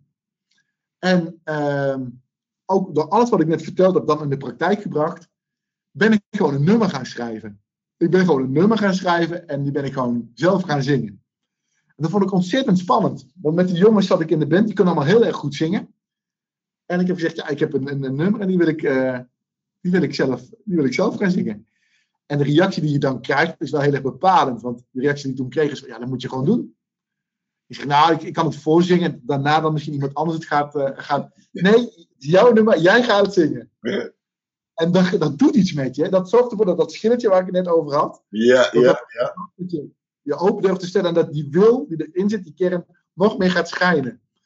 En eh, Dat is eigenlijk wat je in je boek over schreef. Dat is een van die eigenschappen van die band. Elkaar bemoedigen daarin. Of setjes geven om die drempels over te enthousiast voor elkaar zijn. ja. Weet je, je moet, je, je, je moet kritisch naar elkaar mogen zijn. Nou, dat waren zij. Ik kreeg ook wel goede tips over dat, over dat, over dat nummer. Zou je dat wel zo doen? Zou je dat niet zo doen? Kun je dat niet beter anders doen? Ja. Ook altijd enthousiast. Dus ook dat enthousiasme zo van... ehm, op het moment dat er iets moois gebeurt... of er, wo- er wordt iets moois gespeeld... enthousiast voor elkaar zijn. Ja. We hebben dat nummer ook opgenomen in een studio. En dat, en dat eh, eh, eh, is ontzettend gaaf natuurlijk om terug te horen. Ben ik op een verjaardag erover in gesprek met iemand. Ja. En die zegt, die zegt van, jij speelt toch in een bandje? Ik zeg, nou, ik leg het een beetje uit. Ook over dat ik het zelf opgenomen heb. Ook zelf gezongen. Ja. Die zegt, ik ben DJ bij een, bij een, een, een station. Hij zegt, tussen een bepaalde tijd kan ik dat wel in, in verrotten. Ja. En dan moet je kijken. Als je gewoon open staat, je durft, je hebt lef, je zet die stappen. eh, dan komt zo'n bedenkseltje van in mijn hoofd. Ik kan niet zingen. Komt straks in één keer mijn liedje op de radio. Dan denk ik, dat is toch gaaf. Gewoon doordat je een doel hebt. Mensen zijn kritisch, waardoor het nummer alleen maar beter wordt. En ze zijn enthousiast om het te sturen. En dat zie je vaak binnen organisaties. Hè. Doelen zijn wat duidelijk. Maar we zijn onvoldoende kritisch naar elkaar. We hebben het er volgende week wel over. We hebben eh, hè, en onvoldoende enthousiast, want iedereen kan precies benoemen waar het slecht is of waar het beter zou moeten. Maar dat die stuwkracht vanuit enthousiasme, ja, dan zie je wat dat doet. Dat geeft zelfs iemand die denkt dat hij niet kan zingen, en waar heel veel mensen vast mee eens zullen zijn, toch de power en de mogelijkheid om een nummer te schrijven die dan binnenkort een keer ergens te horen is op een radio. Op een tijdslot waar niemand luistert waarschijnlijk. Maar dat maakt niet uit, want dan zit ik bij mijn radiootje om het, om het op te nemen. Hè? Dan denk ik, ik ben toch op de radio geweest. Maar daar gaat het niet om. Het gaat om die dingen. Blij zijn voor elkaar, kritisch durven zijn, doelen met elkaar delen. Ja, daar gaat het. als je, als, je, het- als je het hierover hebt en mensen zeggen, ja, natuurlijk, natuurlijk, natuurlijk. En op het moment dat je in de praktijk kijkt, dan is, maar waarom gebeurt dat? Natuurlijk, in de veel organisaties gebeurt dat wel, dat is heel duidelijk. Ja, en we hadden het over twee dingen. Het- Aan de ene kant de wil, wilskracht en wil die tot uiteindelijke actie leidt. De wil op langere termijn, de wilskracht op korte termijn. Beide zijn nodig. De ene is niet slecht of beter, maar het zijn twee verschillende werkingen. De wil is Ja, diepere werking. De liefde voor van, oh, maar dit zou ik dolgraag willen. Dan begint er een soort levensenergie, pri, eh, prana, chi, ki, weet ik Ja. veel. Liefde, noem het maar, geef het maar een naam. Begint te stromen, dat voelt heel rijk aan. Dat stuurt en dat is een duurzaamheid. Dan de wilskracht kikt in op de moeilijke momentjes, zou ik maar zeggen. Er niks mis mee. Ja. En het andere dilemma, waar we het over hadden, is het dilemma van persoonlijke waarom. Hè, de, persoon, dus de, de- ik heb de wil nodig om tot actie te komen in, in al die variaties. En dat heb ik op een persoonlijk niveau in band. Van, goh, ik heb als bassist dit, deze ambitie op net. Ik heb nu de ambitie om te zingen. En Ja. dat ook. En je hebt dat grotere geheel. En dat kan soms ook wel eens voor mensen. Maar hoe koppel ik dat dan aan, aan, aan eh, elkaar? Want dan kan je dat in een in bandterm beschrijven en iets, iets proberen te vertellen over wat je in een organisatie ziet gebeuren. Want het komen bij die wil is wel lastig blijkbaar. Maar, en zeker eh, wilskracht misschien nog wel maar wil. En dan het dilemma. Ja, maar als ik persoonlijk het mag zeggen, dan wil ik dit. Past dat nog wel bij het overkoepelende doel van de bank? Ja. Of van een organisatie? Ja, dat, lukt, dat lukt alleen maar, die koppeling, op het moment dat je het met elkaar erover hebt. Want als je dat. Zijn heel veel mensen die, eh, die spreken dat niet uit. Ik, ik, ik heb niet geopperd dat ik eh, wilde zingen. Ik heb heel lang, heb ik heel lang voor me gehouden. Op een gegeven moment deel je dat en dan gaan de dingen lopen. Ja. En dat moment creëren, eh, ehm, eh, binnen de lerende organisatie wordt het ook wel de plek der moeite genoemd. Hè? Ja. De, de, de, de, de plaats vinden dat je naar, elkaar wil, naar elkaar wil komen en dingen met elkaar wil delen hoe je iets ziet. Hè? Dat vraagt ook dat er een basis is van vertrouwen. Ja. Maar iemand moet wel dat moment creëren dat je bij elkaar wilt komen. Ja. En dan kun je die wise aan elkaar verbinden. Want als je dat van elkaar niet weet, is het heel moeilijk en is het schieten met hagel. Ja. Dus als, als iemand zal die, eh, die, die plek der moeite moeten gaan creëren. En is, gebeurt dat niet vanuit eh, eh, eh, eh, de strategische functies binnen een bedrijf, kun je dat als persoon echt wel zelf creëren. Ja. En wat ik daarmee wil zeggen is, is eh, het brengt je heel veel om die stap te zetten. Als, als, als medewerker van een bedrijf. Durf die plek der moeite, laten we die zo dan maar noemen. Hè. Die, die is, eigenlijk die is die definitie daarvan ook nog, nog uitgebreider. Hè. Maar als we die plek dan, dat als plek der moeite beschrijven, durf die te betreden. Ja. Want dan moet er wel iets van vertrouwen zijn. Ja. En vaak eh, hebben mensen te, te maken met bepaalde overtuigingen en aannames uit het verleden. Die ervoor zorgen dat je die plek der moeite niet durft te betreden. En dat zie ik binnen de verschillende organisaties waar ik trainingen, eh, eh, trainingen geef. Is, ehm, jij zet jezelf over die angst. Hè. Jij zegt ook heel vaak net ook, je hebt het over actie. Kom in, kom in actie. Ja. Durf wat te doen. Je blijft alleen maar bij ideeën en dromen. En ik denk dat ons te vaak nog te laten, te laten belemmeren om echt in actie te komen. Dus Ja. heel, heel lang antwoord op jouw vraag. Maar wat is er nodig om die wijze bij elkaar te brengen? Is dat je met elkaar in gesprek gaat. Je kunt alleen maar in gesprek komen als één van de twee moeite doet om verbinding te maken.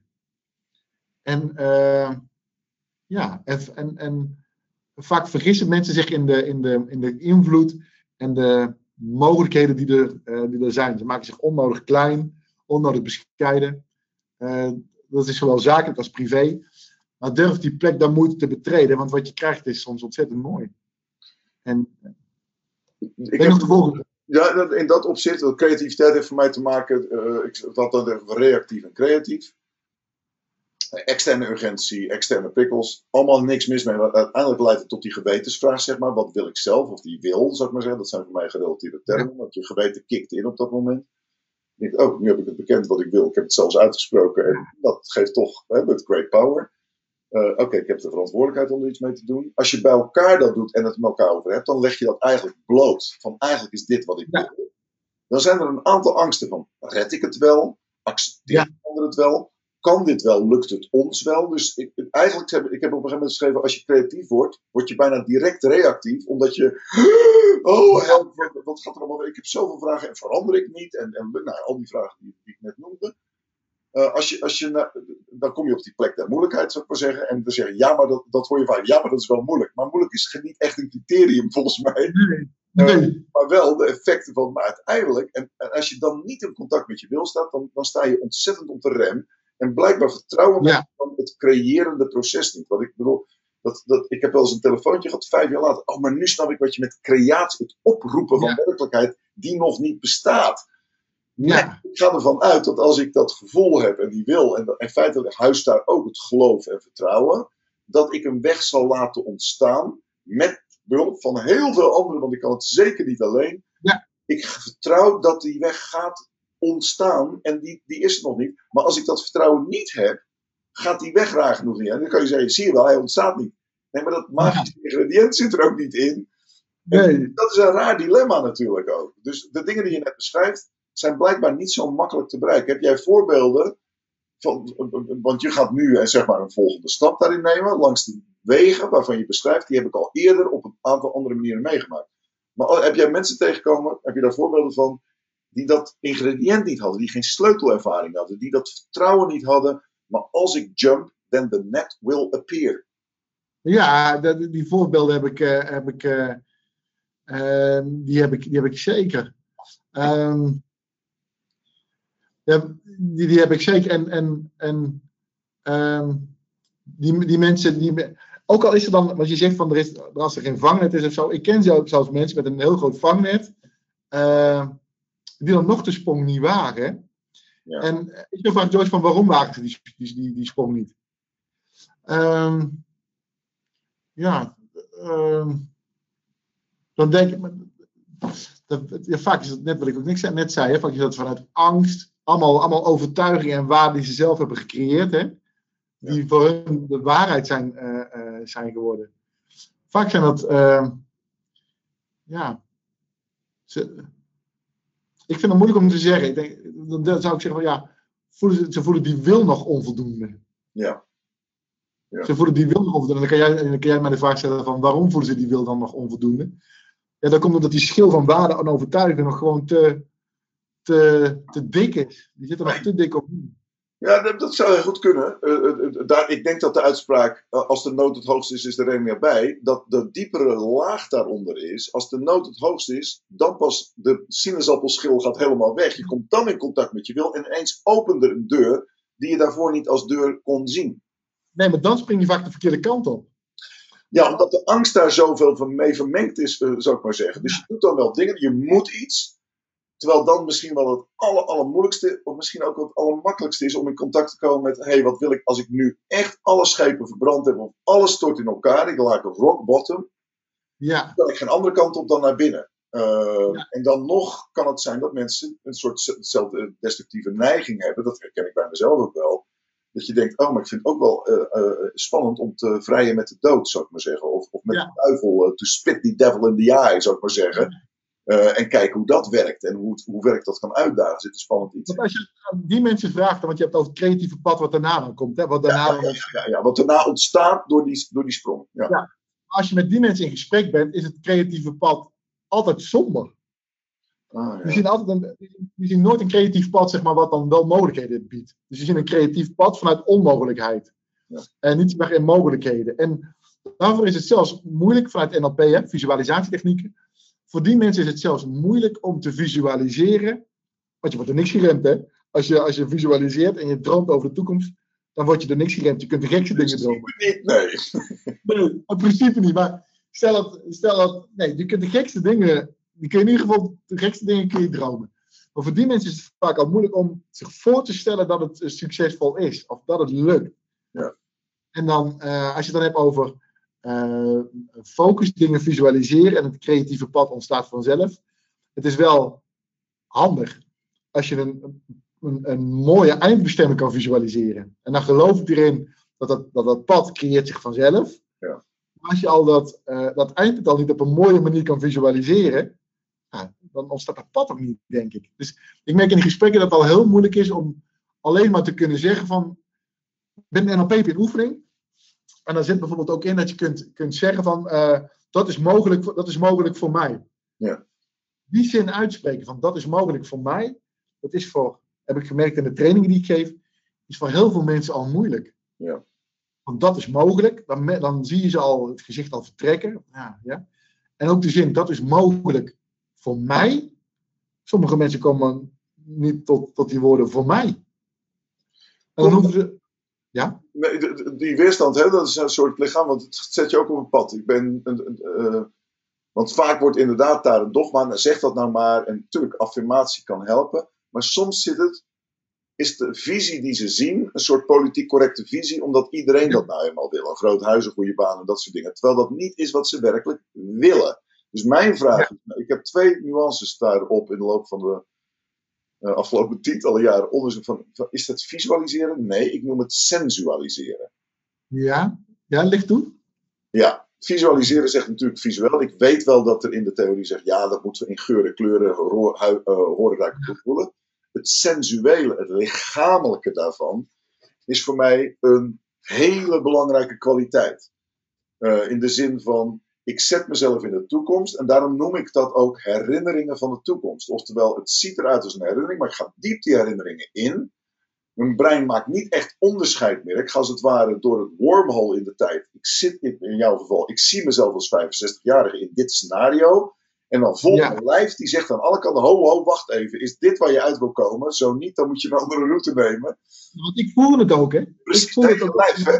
Ja. Ja, Dus ik, ik vind vaak dat visualiseren te veel in het hoofd gebeurt. Vandaar in mijn survival versie zeg ik nee. Ja. Wees die toekomst in je lijf. Acteer hem zelfs uit. Sensualiseer het in je hoofd. Dus probeer hem met alle, niet alleen de vijf zintuigen, maar je hebt er honderd meer.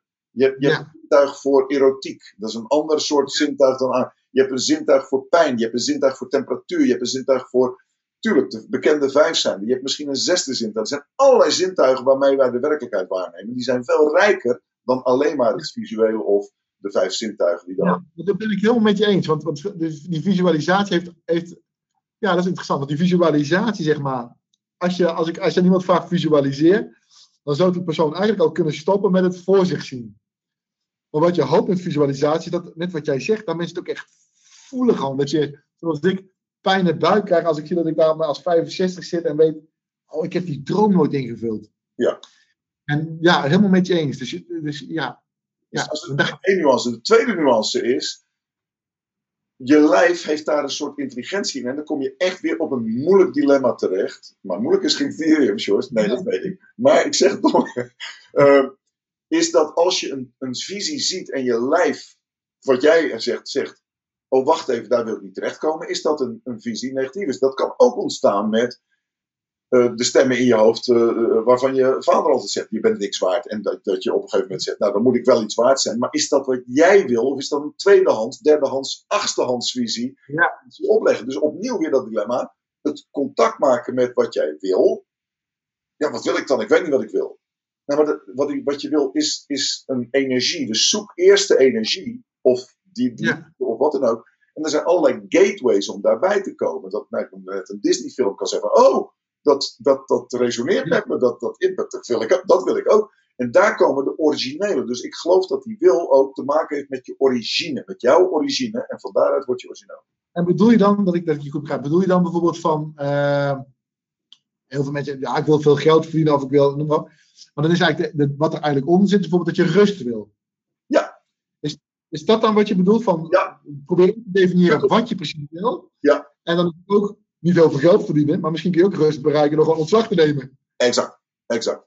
Dus, en dat, want dat is vaak denk ik het, het, het, verrassende voor mensen. Als ze ik heb natuurlijk heel duizenden coachings en dat soort dingen mensen geholpen om, om in hun lijf te komen, vast te houden, daarbij te komen. Want het is een heel intiem proces. En via de magie zou ik maar zeggen, het is in feite uh, shamanistisch werk of transformationeel werk. En dat, ja, woe, woe, en dat rond het vuur. Nee, nee, ik doe het op een hele moderne 21 e manier, trust me. Maar het gaat wel over diezelfde aspecten. Dus je brengt mensen daarbij. En wat de- een van de eerste dingen is, ha, ha, wil ik? Ja. Het is bijna een soort verrassing over. Ja, ze zeggen, weet je, je moet ambitieus, je moet het beste uit jezelf, je moet je talent ontwikkelen. Maar mijn talent interesseert me geen ruk. Nee. Wat Nee. ik fascinerend vind, wat ik werk zou willen, is om een goede kok te zijn. Daar heb ik geen talent voor, maar ik vind het wel hartstikke. Daar leef ik helemaal weer op als ik eraan denk. Ja, ik kan goed gitaar spelen, ja, nou en. Maar ik, ja, weet je, als ik denk aan een band en ik sensualiseer dat in mijn hoofd, ja, dan gaat het nou niet echt trillen bij me. Ja, ik kan het. Ja, nou en. Dus de talentontwikkelingsschool, misschien bedoelen ze uiteindelijk dat wel, maar dat is ook iets van, ja, jongens, dan heb je daar talent op, maar dat betekent niet dat je daar volop moet. Je gaat eerst nou eens naar waar gaat je lichaam van gloeien? Waar krijg je rode konen van? Waar lichten je ogen van op? Wat vind je fascinerend? Wat, oh, stel je voor. En als je die sensor, en dat is soms echt zoeken in je hoofd, met, met, met 83.000 scenario's. En, en daar kunnen natuurlijk gateways zijn. hey, als ik nou die, die, die jongen in, in eh, Tiel ben, zou ik die willen zijn? En dan ga je dat echt ook onderzoeken. En dan Ja. oh, dat is een andere weg voor mij, maar er zijn wel aspecten. Of een gateway kan een boek zijn, of een oude herinnering, of wat dan ook. En daar zie je Ja. een creatief proces, want daar zijn geen vaste antwoorden op. Maar het bekennen, ja, dit is eigenlijk wat ik wil, is bijna altijd, als ik het echt maar niet Ja. kan vertellen, maar eigenlijk wil ik gewoon leren hoe je een band verwisselt. Dat zou ik Ja. zo gaan. Weet je wel, ik noem maar even een zijstraat, maar dat is vaak iets. En, en dan zijn we zo blijkbaar weer die schil van die sinaasappel die je noemt. Is zo een, een, een, een, een- een- ja, wat politiek worden. En dan komt die angst in van, oh, ik ben angst, angstig om daar te komen. Of ik ben Ja. angstig om dat te bekennen aan mijn partner. Want het verandert misschien wel relatie. Want die heeft me nooit gezien als iemand die een band wilde leren plakken. En nu wil ik blijkbaar Ja. fietsenmaker worden. Want dat vind ik zo gaaf. Het is wel eng. Ja, ja, ja, ja, ja. Wat het ook is. Eh, eh, eh, Hoe Ja. je nu projecteert op je, de stap die je nu gaat nemen, zo de, be- bekennen. Herken je dan die aspecten van de schil is eraf, je, je, je hebt veel verstand van die dingen, je hebt een hoop ervaring ermee. Dat, ik noem het, het is bijna een zachte kracht van binnen, die wel Ja. onontkoombaar is. Die, Ja. Nou, wat ik, wat ik. Kijk, weet je wat het is nou? Wat, ik, wat, wat jij net ook zegt, omdat op zoek van wat, wat wil je nou echt, hè? Wat geef je nou, eh, waar word je, waar word je super blij van? En, en eh, er zijn verschillende, verschillende deuren om doorheen te lopen om daar te komen. Mhm. Als ik terugkijk nu, hè, ik, die, die interesse in muziek had ik al toen ik, toen ik 20 was. Ook die interesse in trainingen geven had ik al toen ik 20 was. Toch ben ik, en daar heb ik nooit spijt van gehad, toch ben ik op, op, de, op, de, op, de, op de weg gekomen van, van een bank, managementfuncties, interimwerk. Ehm, en nu ga ik eigenlijk doen wat ik misschien eigenlijk al wilde doen toen ik 20 was. Ja. Je nog tevoren? Ja. En, ehm, en op een gegeven moment kwam, kwam natuurlijk bij mij het gevoel naar voren van oh, dat had ik misschien veel eerder moeten doen. En ehm, het heeft bij mij ook wel ehm, ehm, een soort van acceptatie geweest. Om te zeggen van die tijd ertussen zit 20 jaar tussen, hè, 20 jaar. Om Ja. te zeggen van nee, die tijd is goed geweest om hier nu te komen. Dus Ja. niet terug te kijken met, nou ja, had ik dat niet veel eerder moeten doen. Maar gewoon te accepteren. Eh, met die tijd heeft ook voor gezorgd dat ik eh, nu dit kan doen, zeg maar. En dat ik er nu Ja. zo in zit. Ja, ja. Er zit helemaal geen antwoord op jouw vraag, maar dat wil ik toch Nee, even het, het, het relateert er wel degelijk aan. Want een van de concepten die ik vaak gebruik als je naar die kern toe gaat, dat tijd en ruimte spelen daar eigenlijk geen rol. En daar heb ik me ook veel in vergist. Omdat Ja. als je soul-to-soul contact hebt, wat in een band, weet je wat, dan, dan speelt tijd en ruimte. We zijn elkaar, we maken real-time op dit moment muziek. Daar is die mind, die... flow, hè? Hè? Dat is de flow binnen de muziek, de groove ja, ja, de ja, flow. ja, ja, ja, die man met die moeilijke naam, Mikkel Legzinski, wat ik die noemt dat zijn boek Flow, noemt hij dat ook zo. Eh, die had een artiestennaam moeten kiezen, die man volgens mij. Maar, eh, ehm, het, het flow, dat in, in het moment zijn, natuurlijk raak je daar weer uit om er weer in te komen, maar je kunt wel het, het ritme daarin verhogen. En daar spelen tijd en ruimte geen rol meer. Dat betekent ook dat als je Volgens mij is dat eeuwige liefde, betekent dat ook in de zin van als die ziel en die kern eh, die eeuwigheid is, dat klopt ook, want daar speelt ook letterlijk het tijd en ruimte geen rol. Of dat letterlijk in klokkentijd eeuwigheid is, dat is even niet belangrijk, maar daar, dat betekent ook in, voor mij dat op het moment dat je zo zo contact hebt met iemand, dat die tijd en ruimte verliest in een band, betekent ook dat als jij op je twintigste beseft, hé, hey, ik heb contact met die ziel, ik zie wat er gebeurt, maar dat is blijkbaar niet hier en nu. Dat is misschien pas over twintig. Maar die tijd weet ik niet. Dat, daar heb ik een hele slechte inschatting af en toe. Ik zie potentie. Ik zie wat er gaat ontstaan. Ik zie het zaadje. En ik weet, oh, dat is een, ik zie al de zonnebloem. En andere mensen Ja. zien het zaadje nog niet eens. Terwijl op het moment dat, en daar zit een soort aardse eh, eh, tijd tussen, zou ik maar zeggen. Die, die in de klok en de dagen en de groei en je lijf. En je, nou, je moet er aan alle kanten aan toe komen. En het managen daarvan En dan kom ik even terug op die. Eh, stel dat dat hebben, we begonnen met de, band en de- het, team. En als die niet bij dat doel komt, of bij dat gevoel kan komen, het, het vertrouwen, de magische, nou, enzovoort. Dan, dan kunnen ze ook niet komen bij die visual, of die sensualisatie van wat kan het zijn. Dat is dan reuze lastig wat het niet bindt. Dan komt de Ja. energie niet op gang, het stagneert en dan blijf je in de rapporten hangen. En, en, en dat, daar krijgen we dan last van ook, hè, zoals je zelf persoonlijk beschreef. Maar het betekent ook dat ze ehm, niet door die tijd en ruimte kunnen flowen met elkaar en met elkaar geen contact kunnen krijgen. De high performance teams hebben dat typisch allemaal wel aan boord. We voelen, we hebben het erover, we praten erover, we erkennen wat we persoonlijk willen, we erkennen wat we al, al samen willen, daardoor worden we gedreven. Ja, Vervolgens zetten we dat in acties om, want ja, dat is de verantwoordelijkheid die erbij hoort. Eh, ik heb er net een artikel over geschreven over een theatershow, dat ik wel eh, vaker aangehad, de Jokkebrokker, waar ik vorig jaar eh, magisch adviseur was. Niemand had daar echt agile of wat dan ook NLP-training gehad hoor. En, en dan mogelijk privé wel en zo. Maar we begonnen inderdaad met één bladzijde en een intentie van eh, onze regisseur, Floris van Delft. Die kwam met het idee. Eh, en Wolter heeft daar eh, aan- ook aan meest. Maar er was niet meer dan dat. Maar er was wel dat aspect. hey, ik ben aan boord. Ik committeer me uiteindelijk aan het eindgevoel.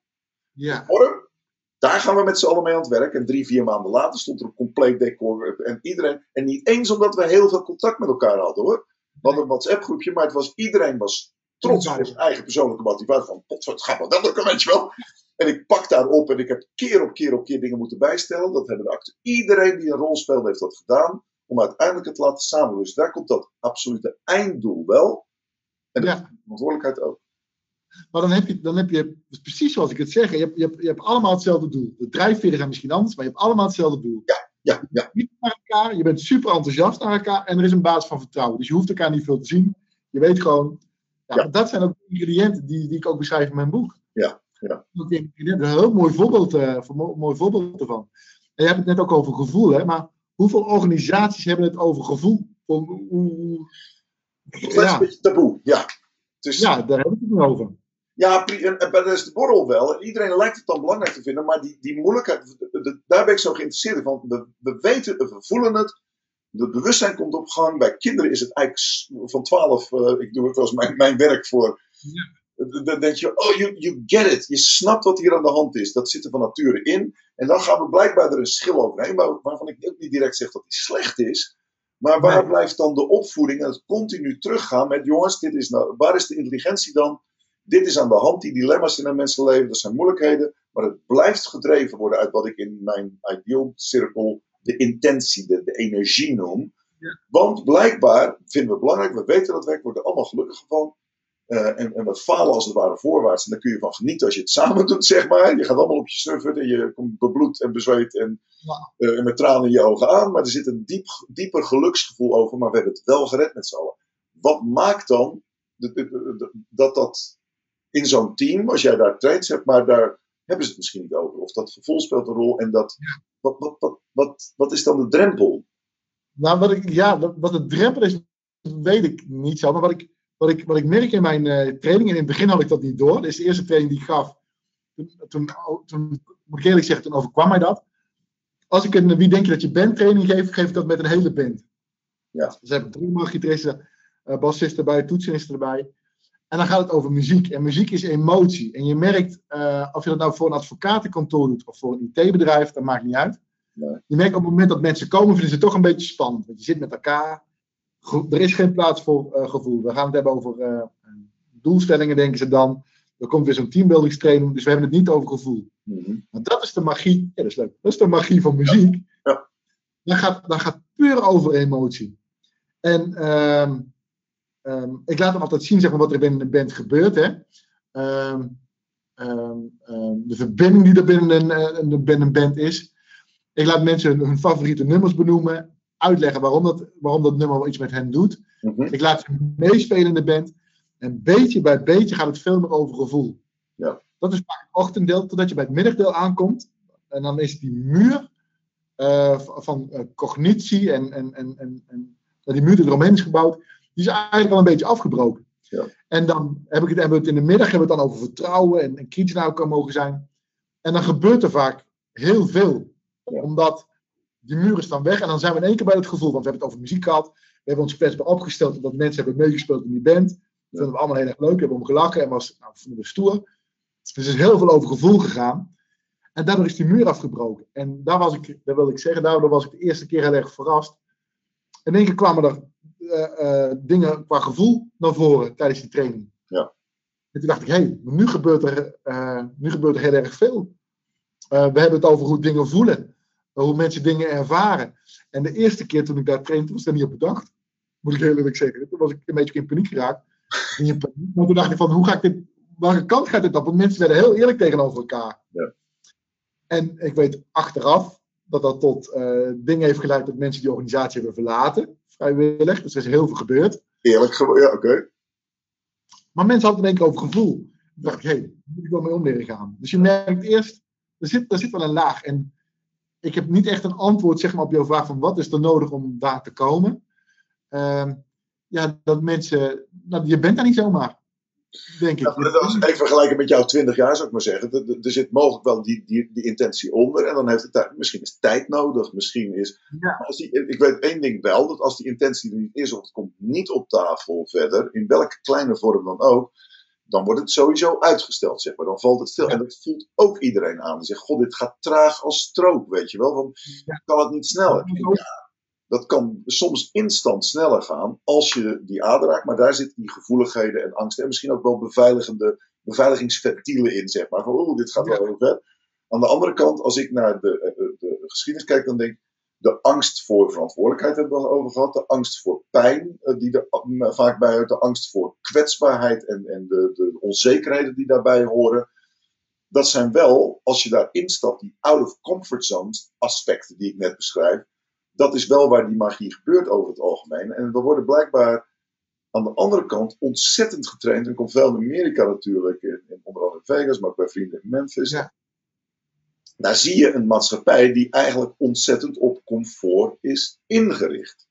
Die, als je het even makkelijker kan hebben, moet het ook makkelijker. En dan krijg je een soort prinses op de ed syndroom, waarbij eigenlijk daar waar de transformatie en de echte vitaliteit, dus de schreeuwvitaliteit is groot. En vervolgens doen we bijna een, een, soort zelfvergiftiging. Hoe kunnen we het onszelf nu zo makkelijk maken dat we nooit in de buurt komen van maar de grens van onze comfortzone laten staan? Ja.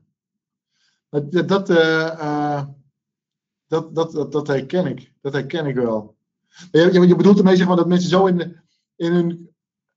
Bedoel je daarmee te zeggen van hoe moeilijk is het om uit je comfortzone eigenlijk te komen? Ja, je een soort gouden kooi, maar. Het is allemaal makkelijk, makkelijk, makkelijk. Allemaal producten. Zeg, hoe kun je en nou, nou is er niks mis met gemak. Want we zijn biologisch wezens, vaak. Ja. Die zijn ingericht op efficiëntie en gemak. Want hoe meer energie je kan besparen, hoe beter het is. Maar als dat er over een grens gaat, waardoor Ja. je niet meer gewend bent om jezelf even. Gewoon de training op het regelmatig resetten. De training op. Oké, we zijn eigenlijk heel. Weet je wat we doen? We schoppen de tent eens even lekker onderuit, zodat we even. Want zoals jij in het begin zei, er zijn iemand die die jump wel zou kunnen maken, want die hebben echt wel een vangnet.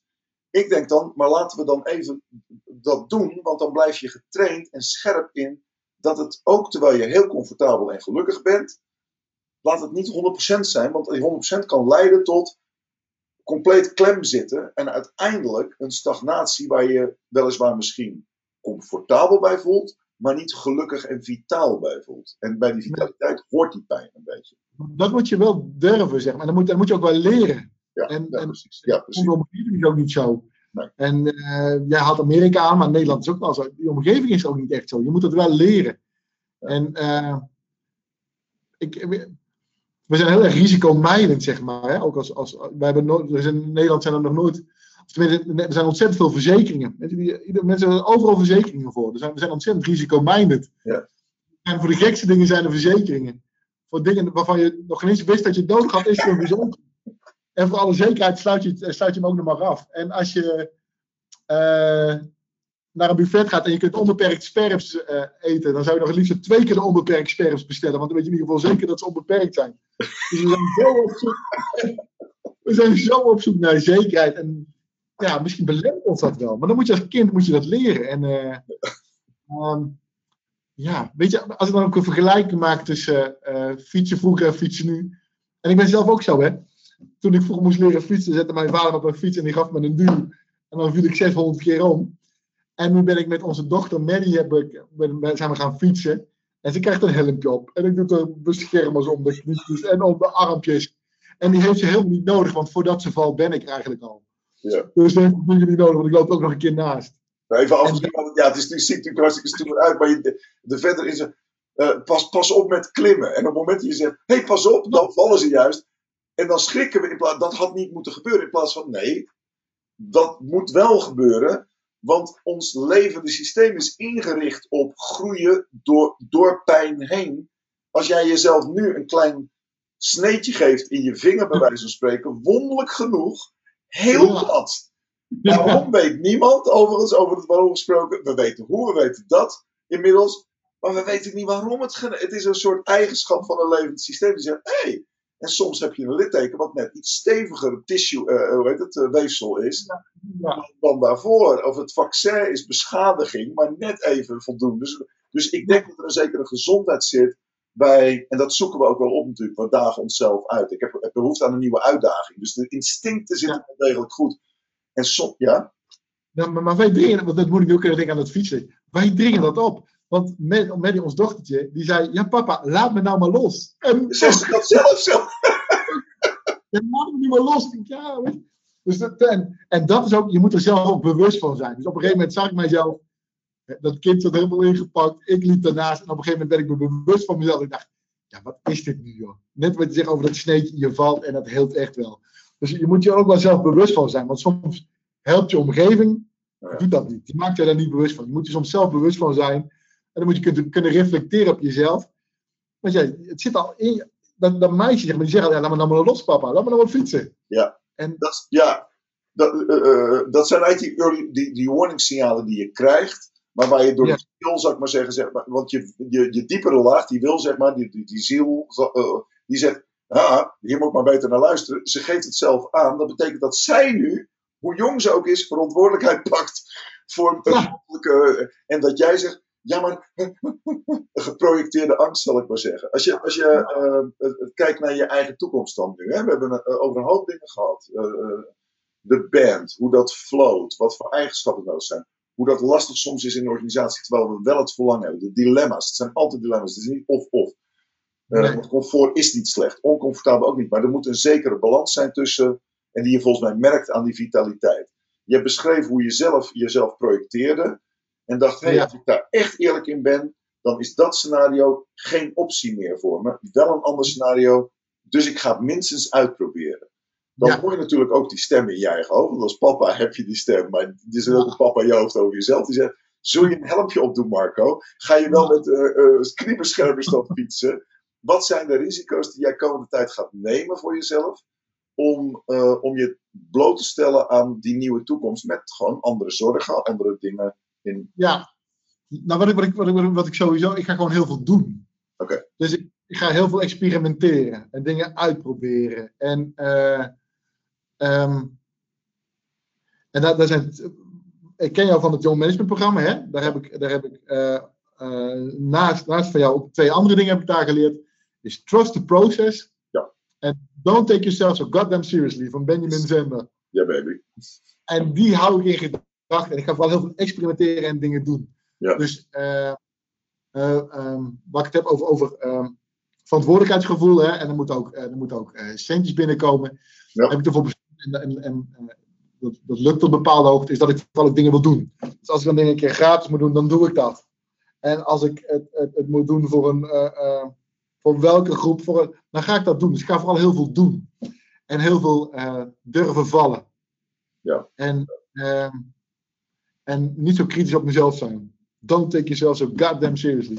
Ja, het is maar de, in, in, vanuit de Maagse traditie is dat de fool. De fool die zegt: Ja. Ik ben het cijfer nul. Ik, ik, ik noem het tegenwoordig stamcelstatus, stemcel state. Ja. Terwijl je gaat even terug naar die kern en die denkt: Oké, dan, dan sta ik voor jouw joker. Letterlijk komt Ja. de joker daar ook vandaan trouwens. De joker, de fool. Zijn er, ik ben even een onbeschreven blad. Ik weet het niet, ik ben dom. Ja. en vervolgens Lach op jezelf. hele ding is wel- Oké, en daar ligt inderdaad die geheim van. Volgens mij, de, de, dan is die schil weg.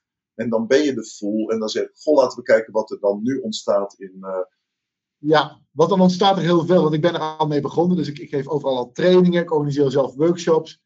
En, en dan merk je, dan gebeurt er ook van alles. En dat is ook echt zo. Mensen zeggen dat altijd van tevoren. Van, ja, dan ontstaat er, dan gebeurt er vanzelf iets. Maar het is gewoon echt zo. Ja. Het is gewoon, er gebeurt ook echt iets. Als je maar niet bang bent om te vallen, dan gebeurt er van alles. En soms verlies je en soms win je. En als je niet te lang loopt te toppen over de dingen die je verliest en daarna kijkt. En zorg dat je daar objectief naar durft te kijken. Ja, dan, dan, dan maakt niet uit. Dus dat doe ik daar. De, de, de, de ondersteunende gateway-metaforen die je volgens mij nu hebt, zijn twee keer onbeperkt spare bestellen om nog maar zeker te zijn dat het werkt. Die heel erg gaaf. Uh, mag, die, mag die gebruiken? Ja, die mag je gebruiken, ja.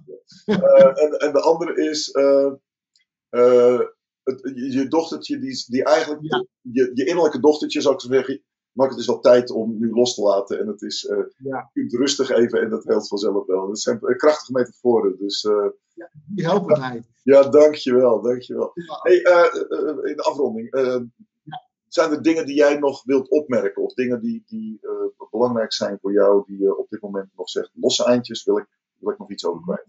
Nee, ik vond, ik vond het heel verhelderend. Want tijdens dit gesprek ga ik ook over dingen nadenken. En ik heb dingen horen zeggen waarvan ik dacht van... ehm, oh, zo keek ik er nog niet helemaal tegenaan.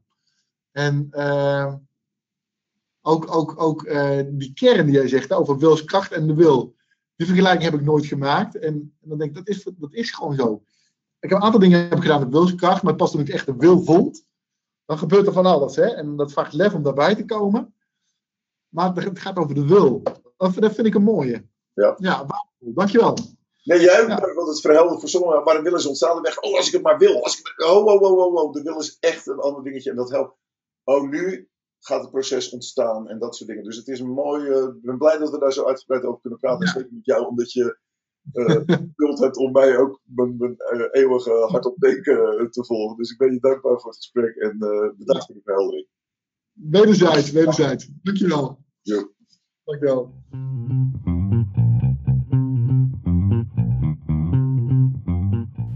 Dat was een gesprek wat aanvoelde als een jazzconcert.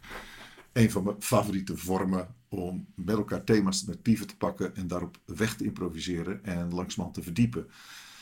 Erg congruent met het verhaal overigens wat hij vertelde. Erg leuk om te doen. Wil je meer weten van Marco's activiteiten? Dan ga je naar www.wiedenkjedatje bent. Band met B-A-N-D staat ook in de beschrijving van de podcast. En dan vind je meer over wat hij doet. Fijn dat je erbij was.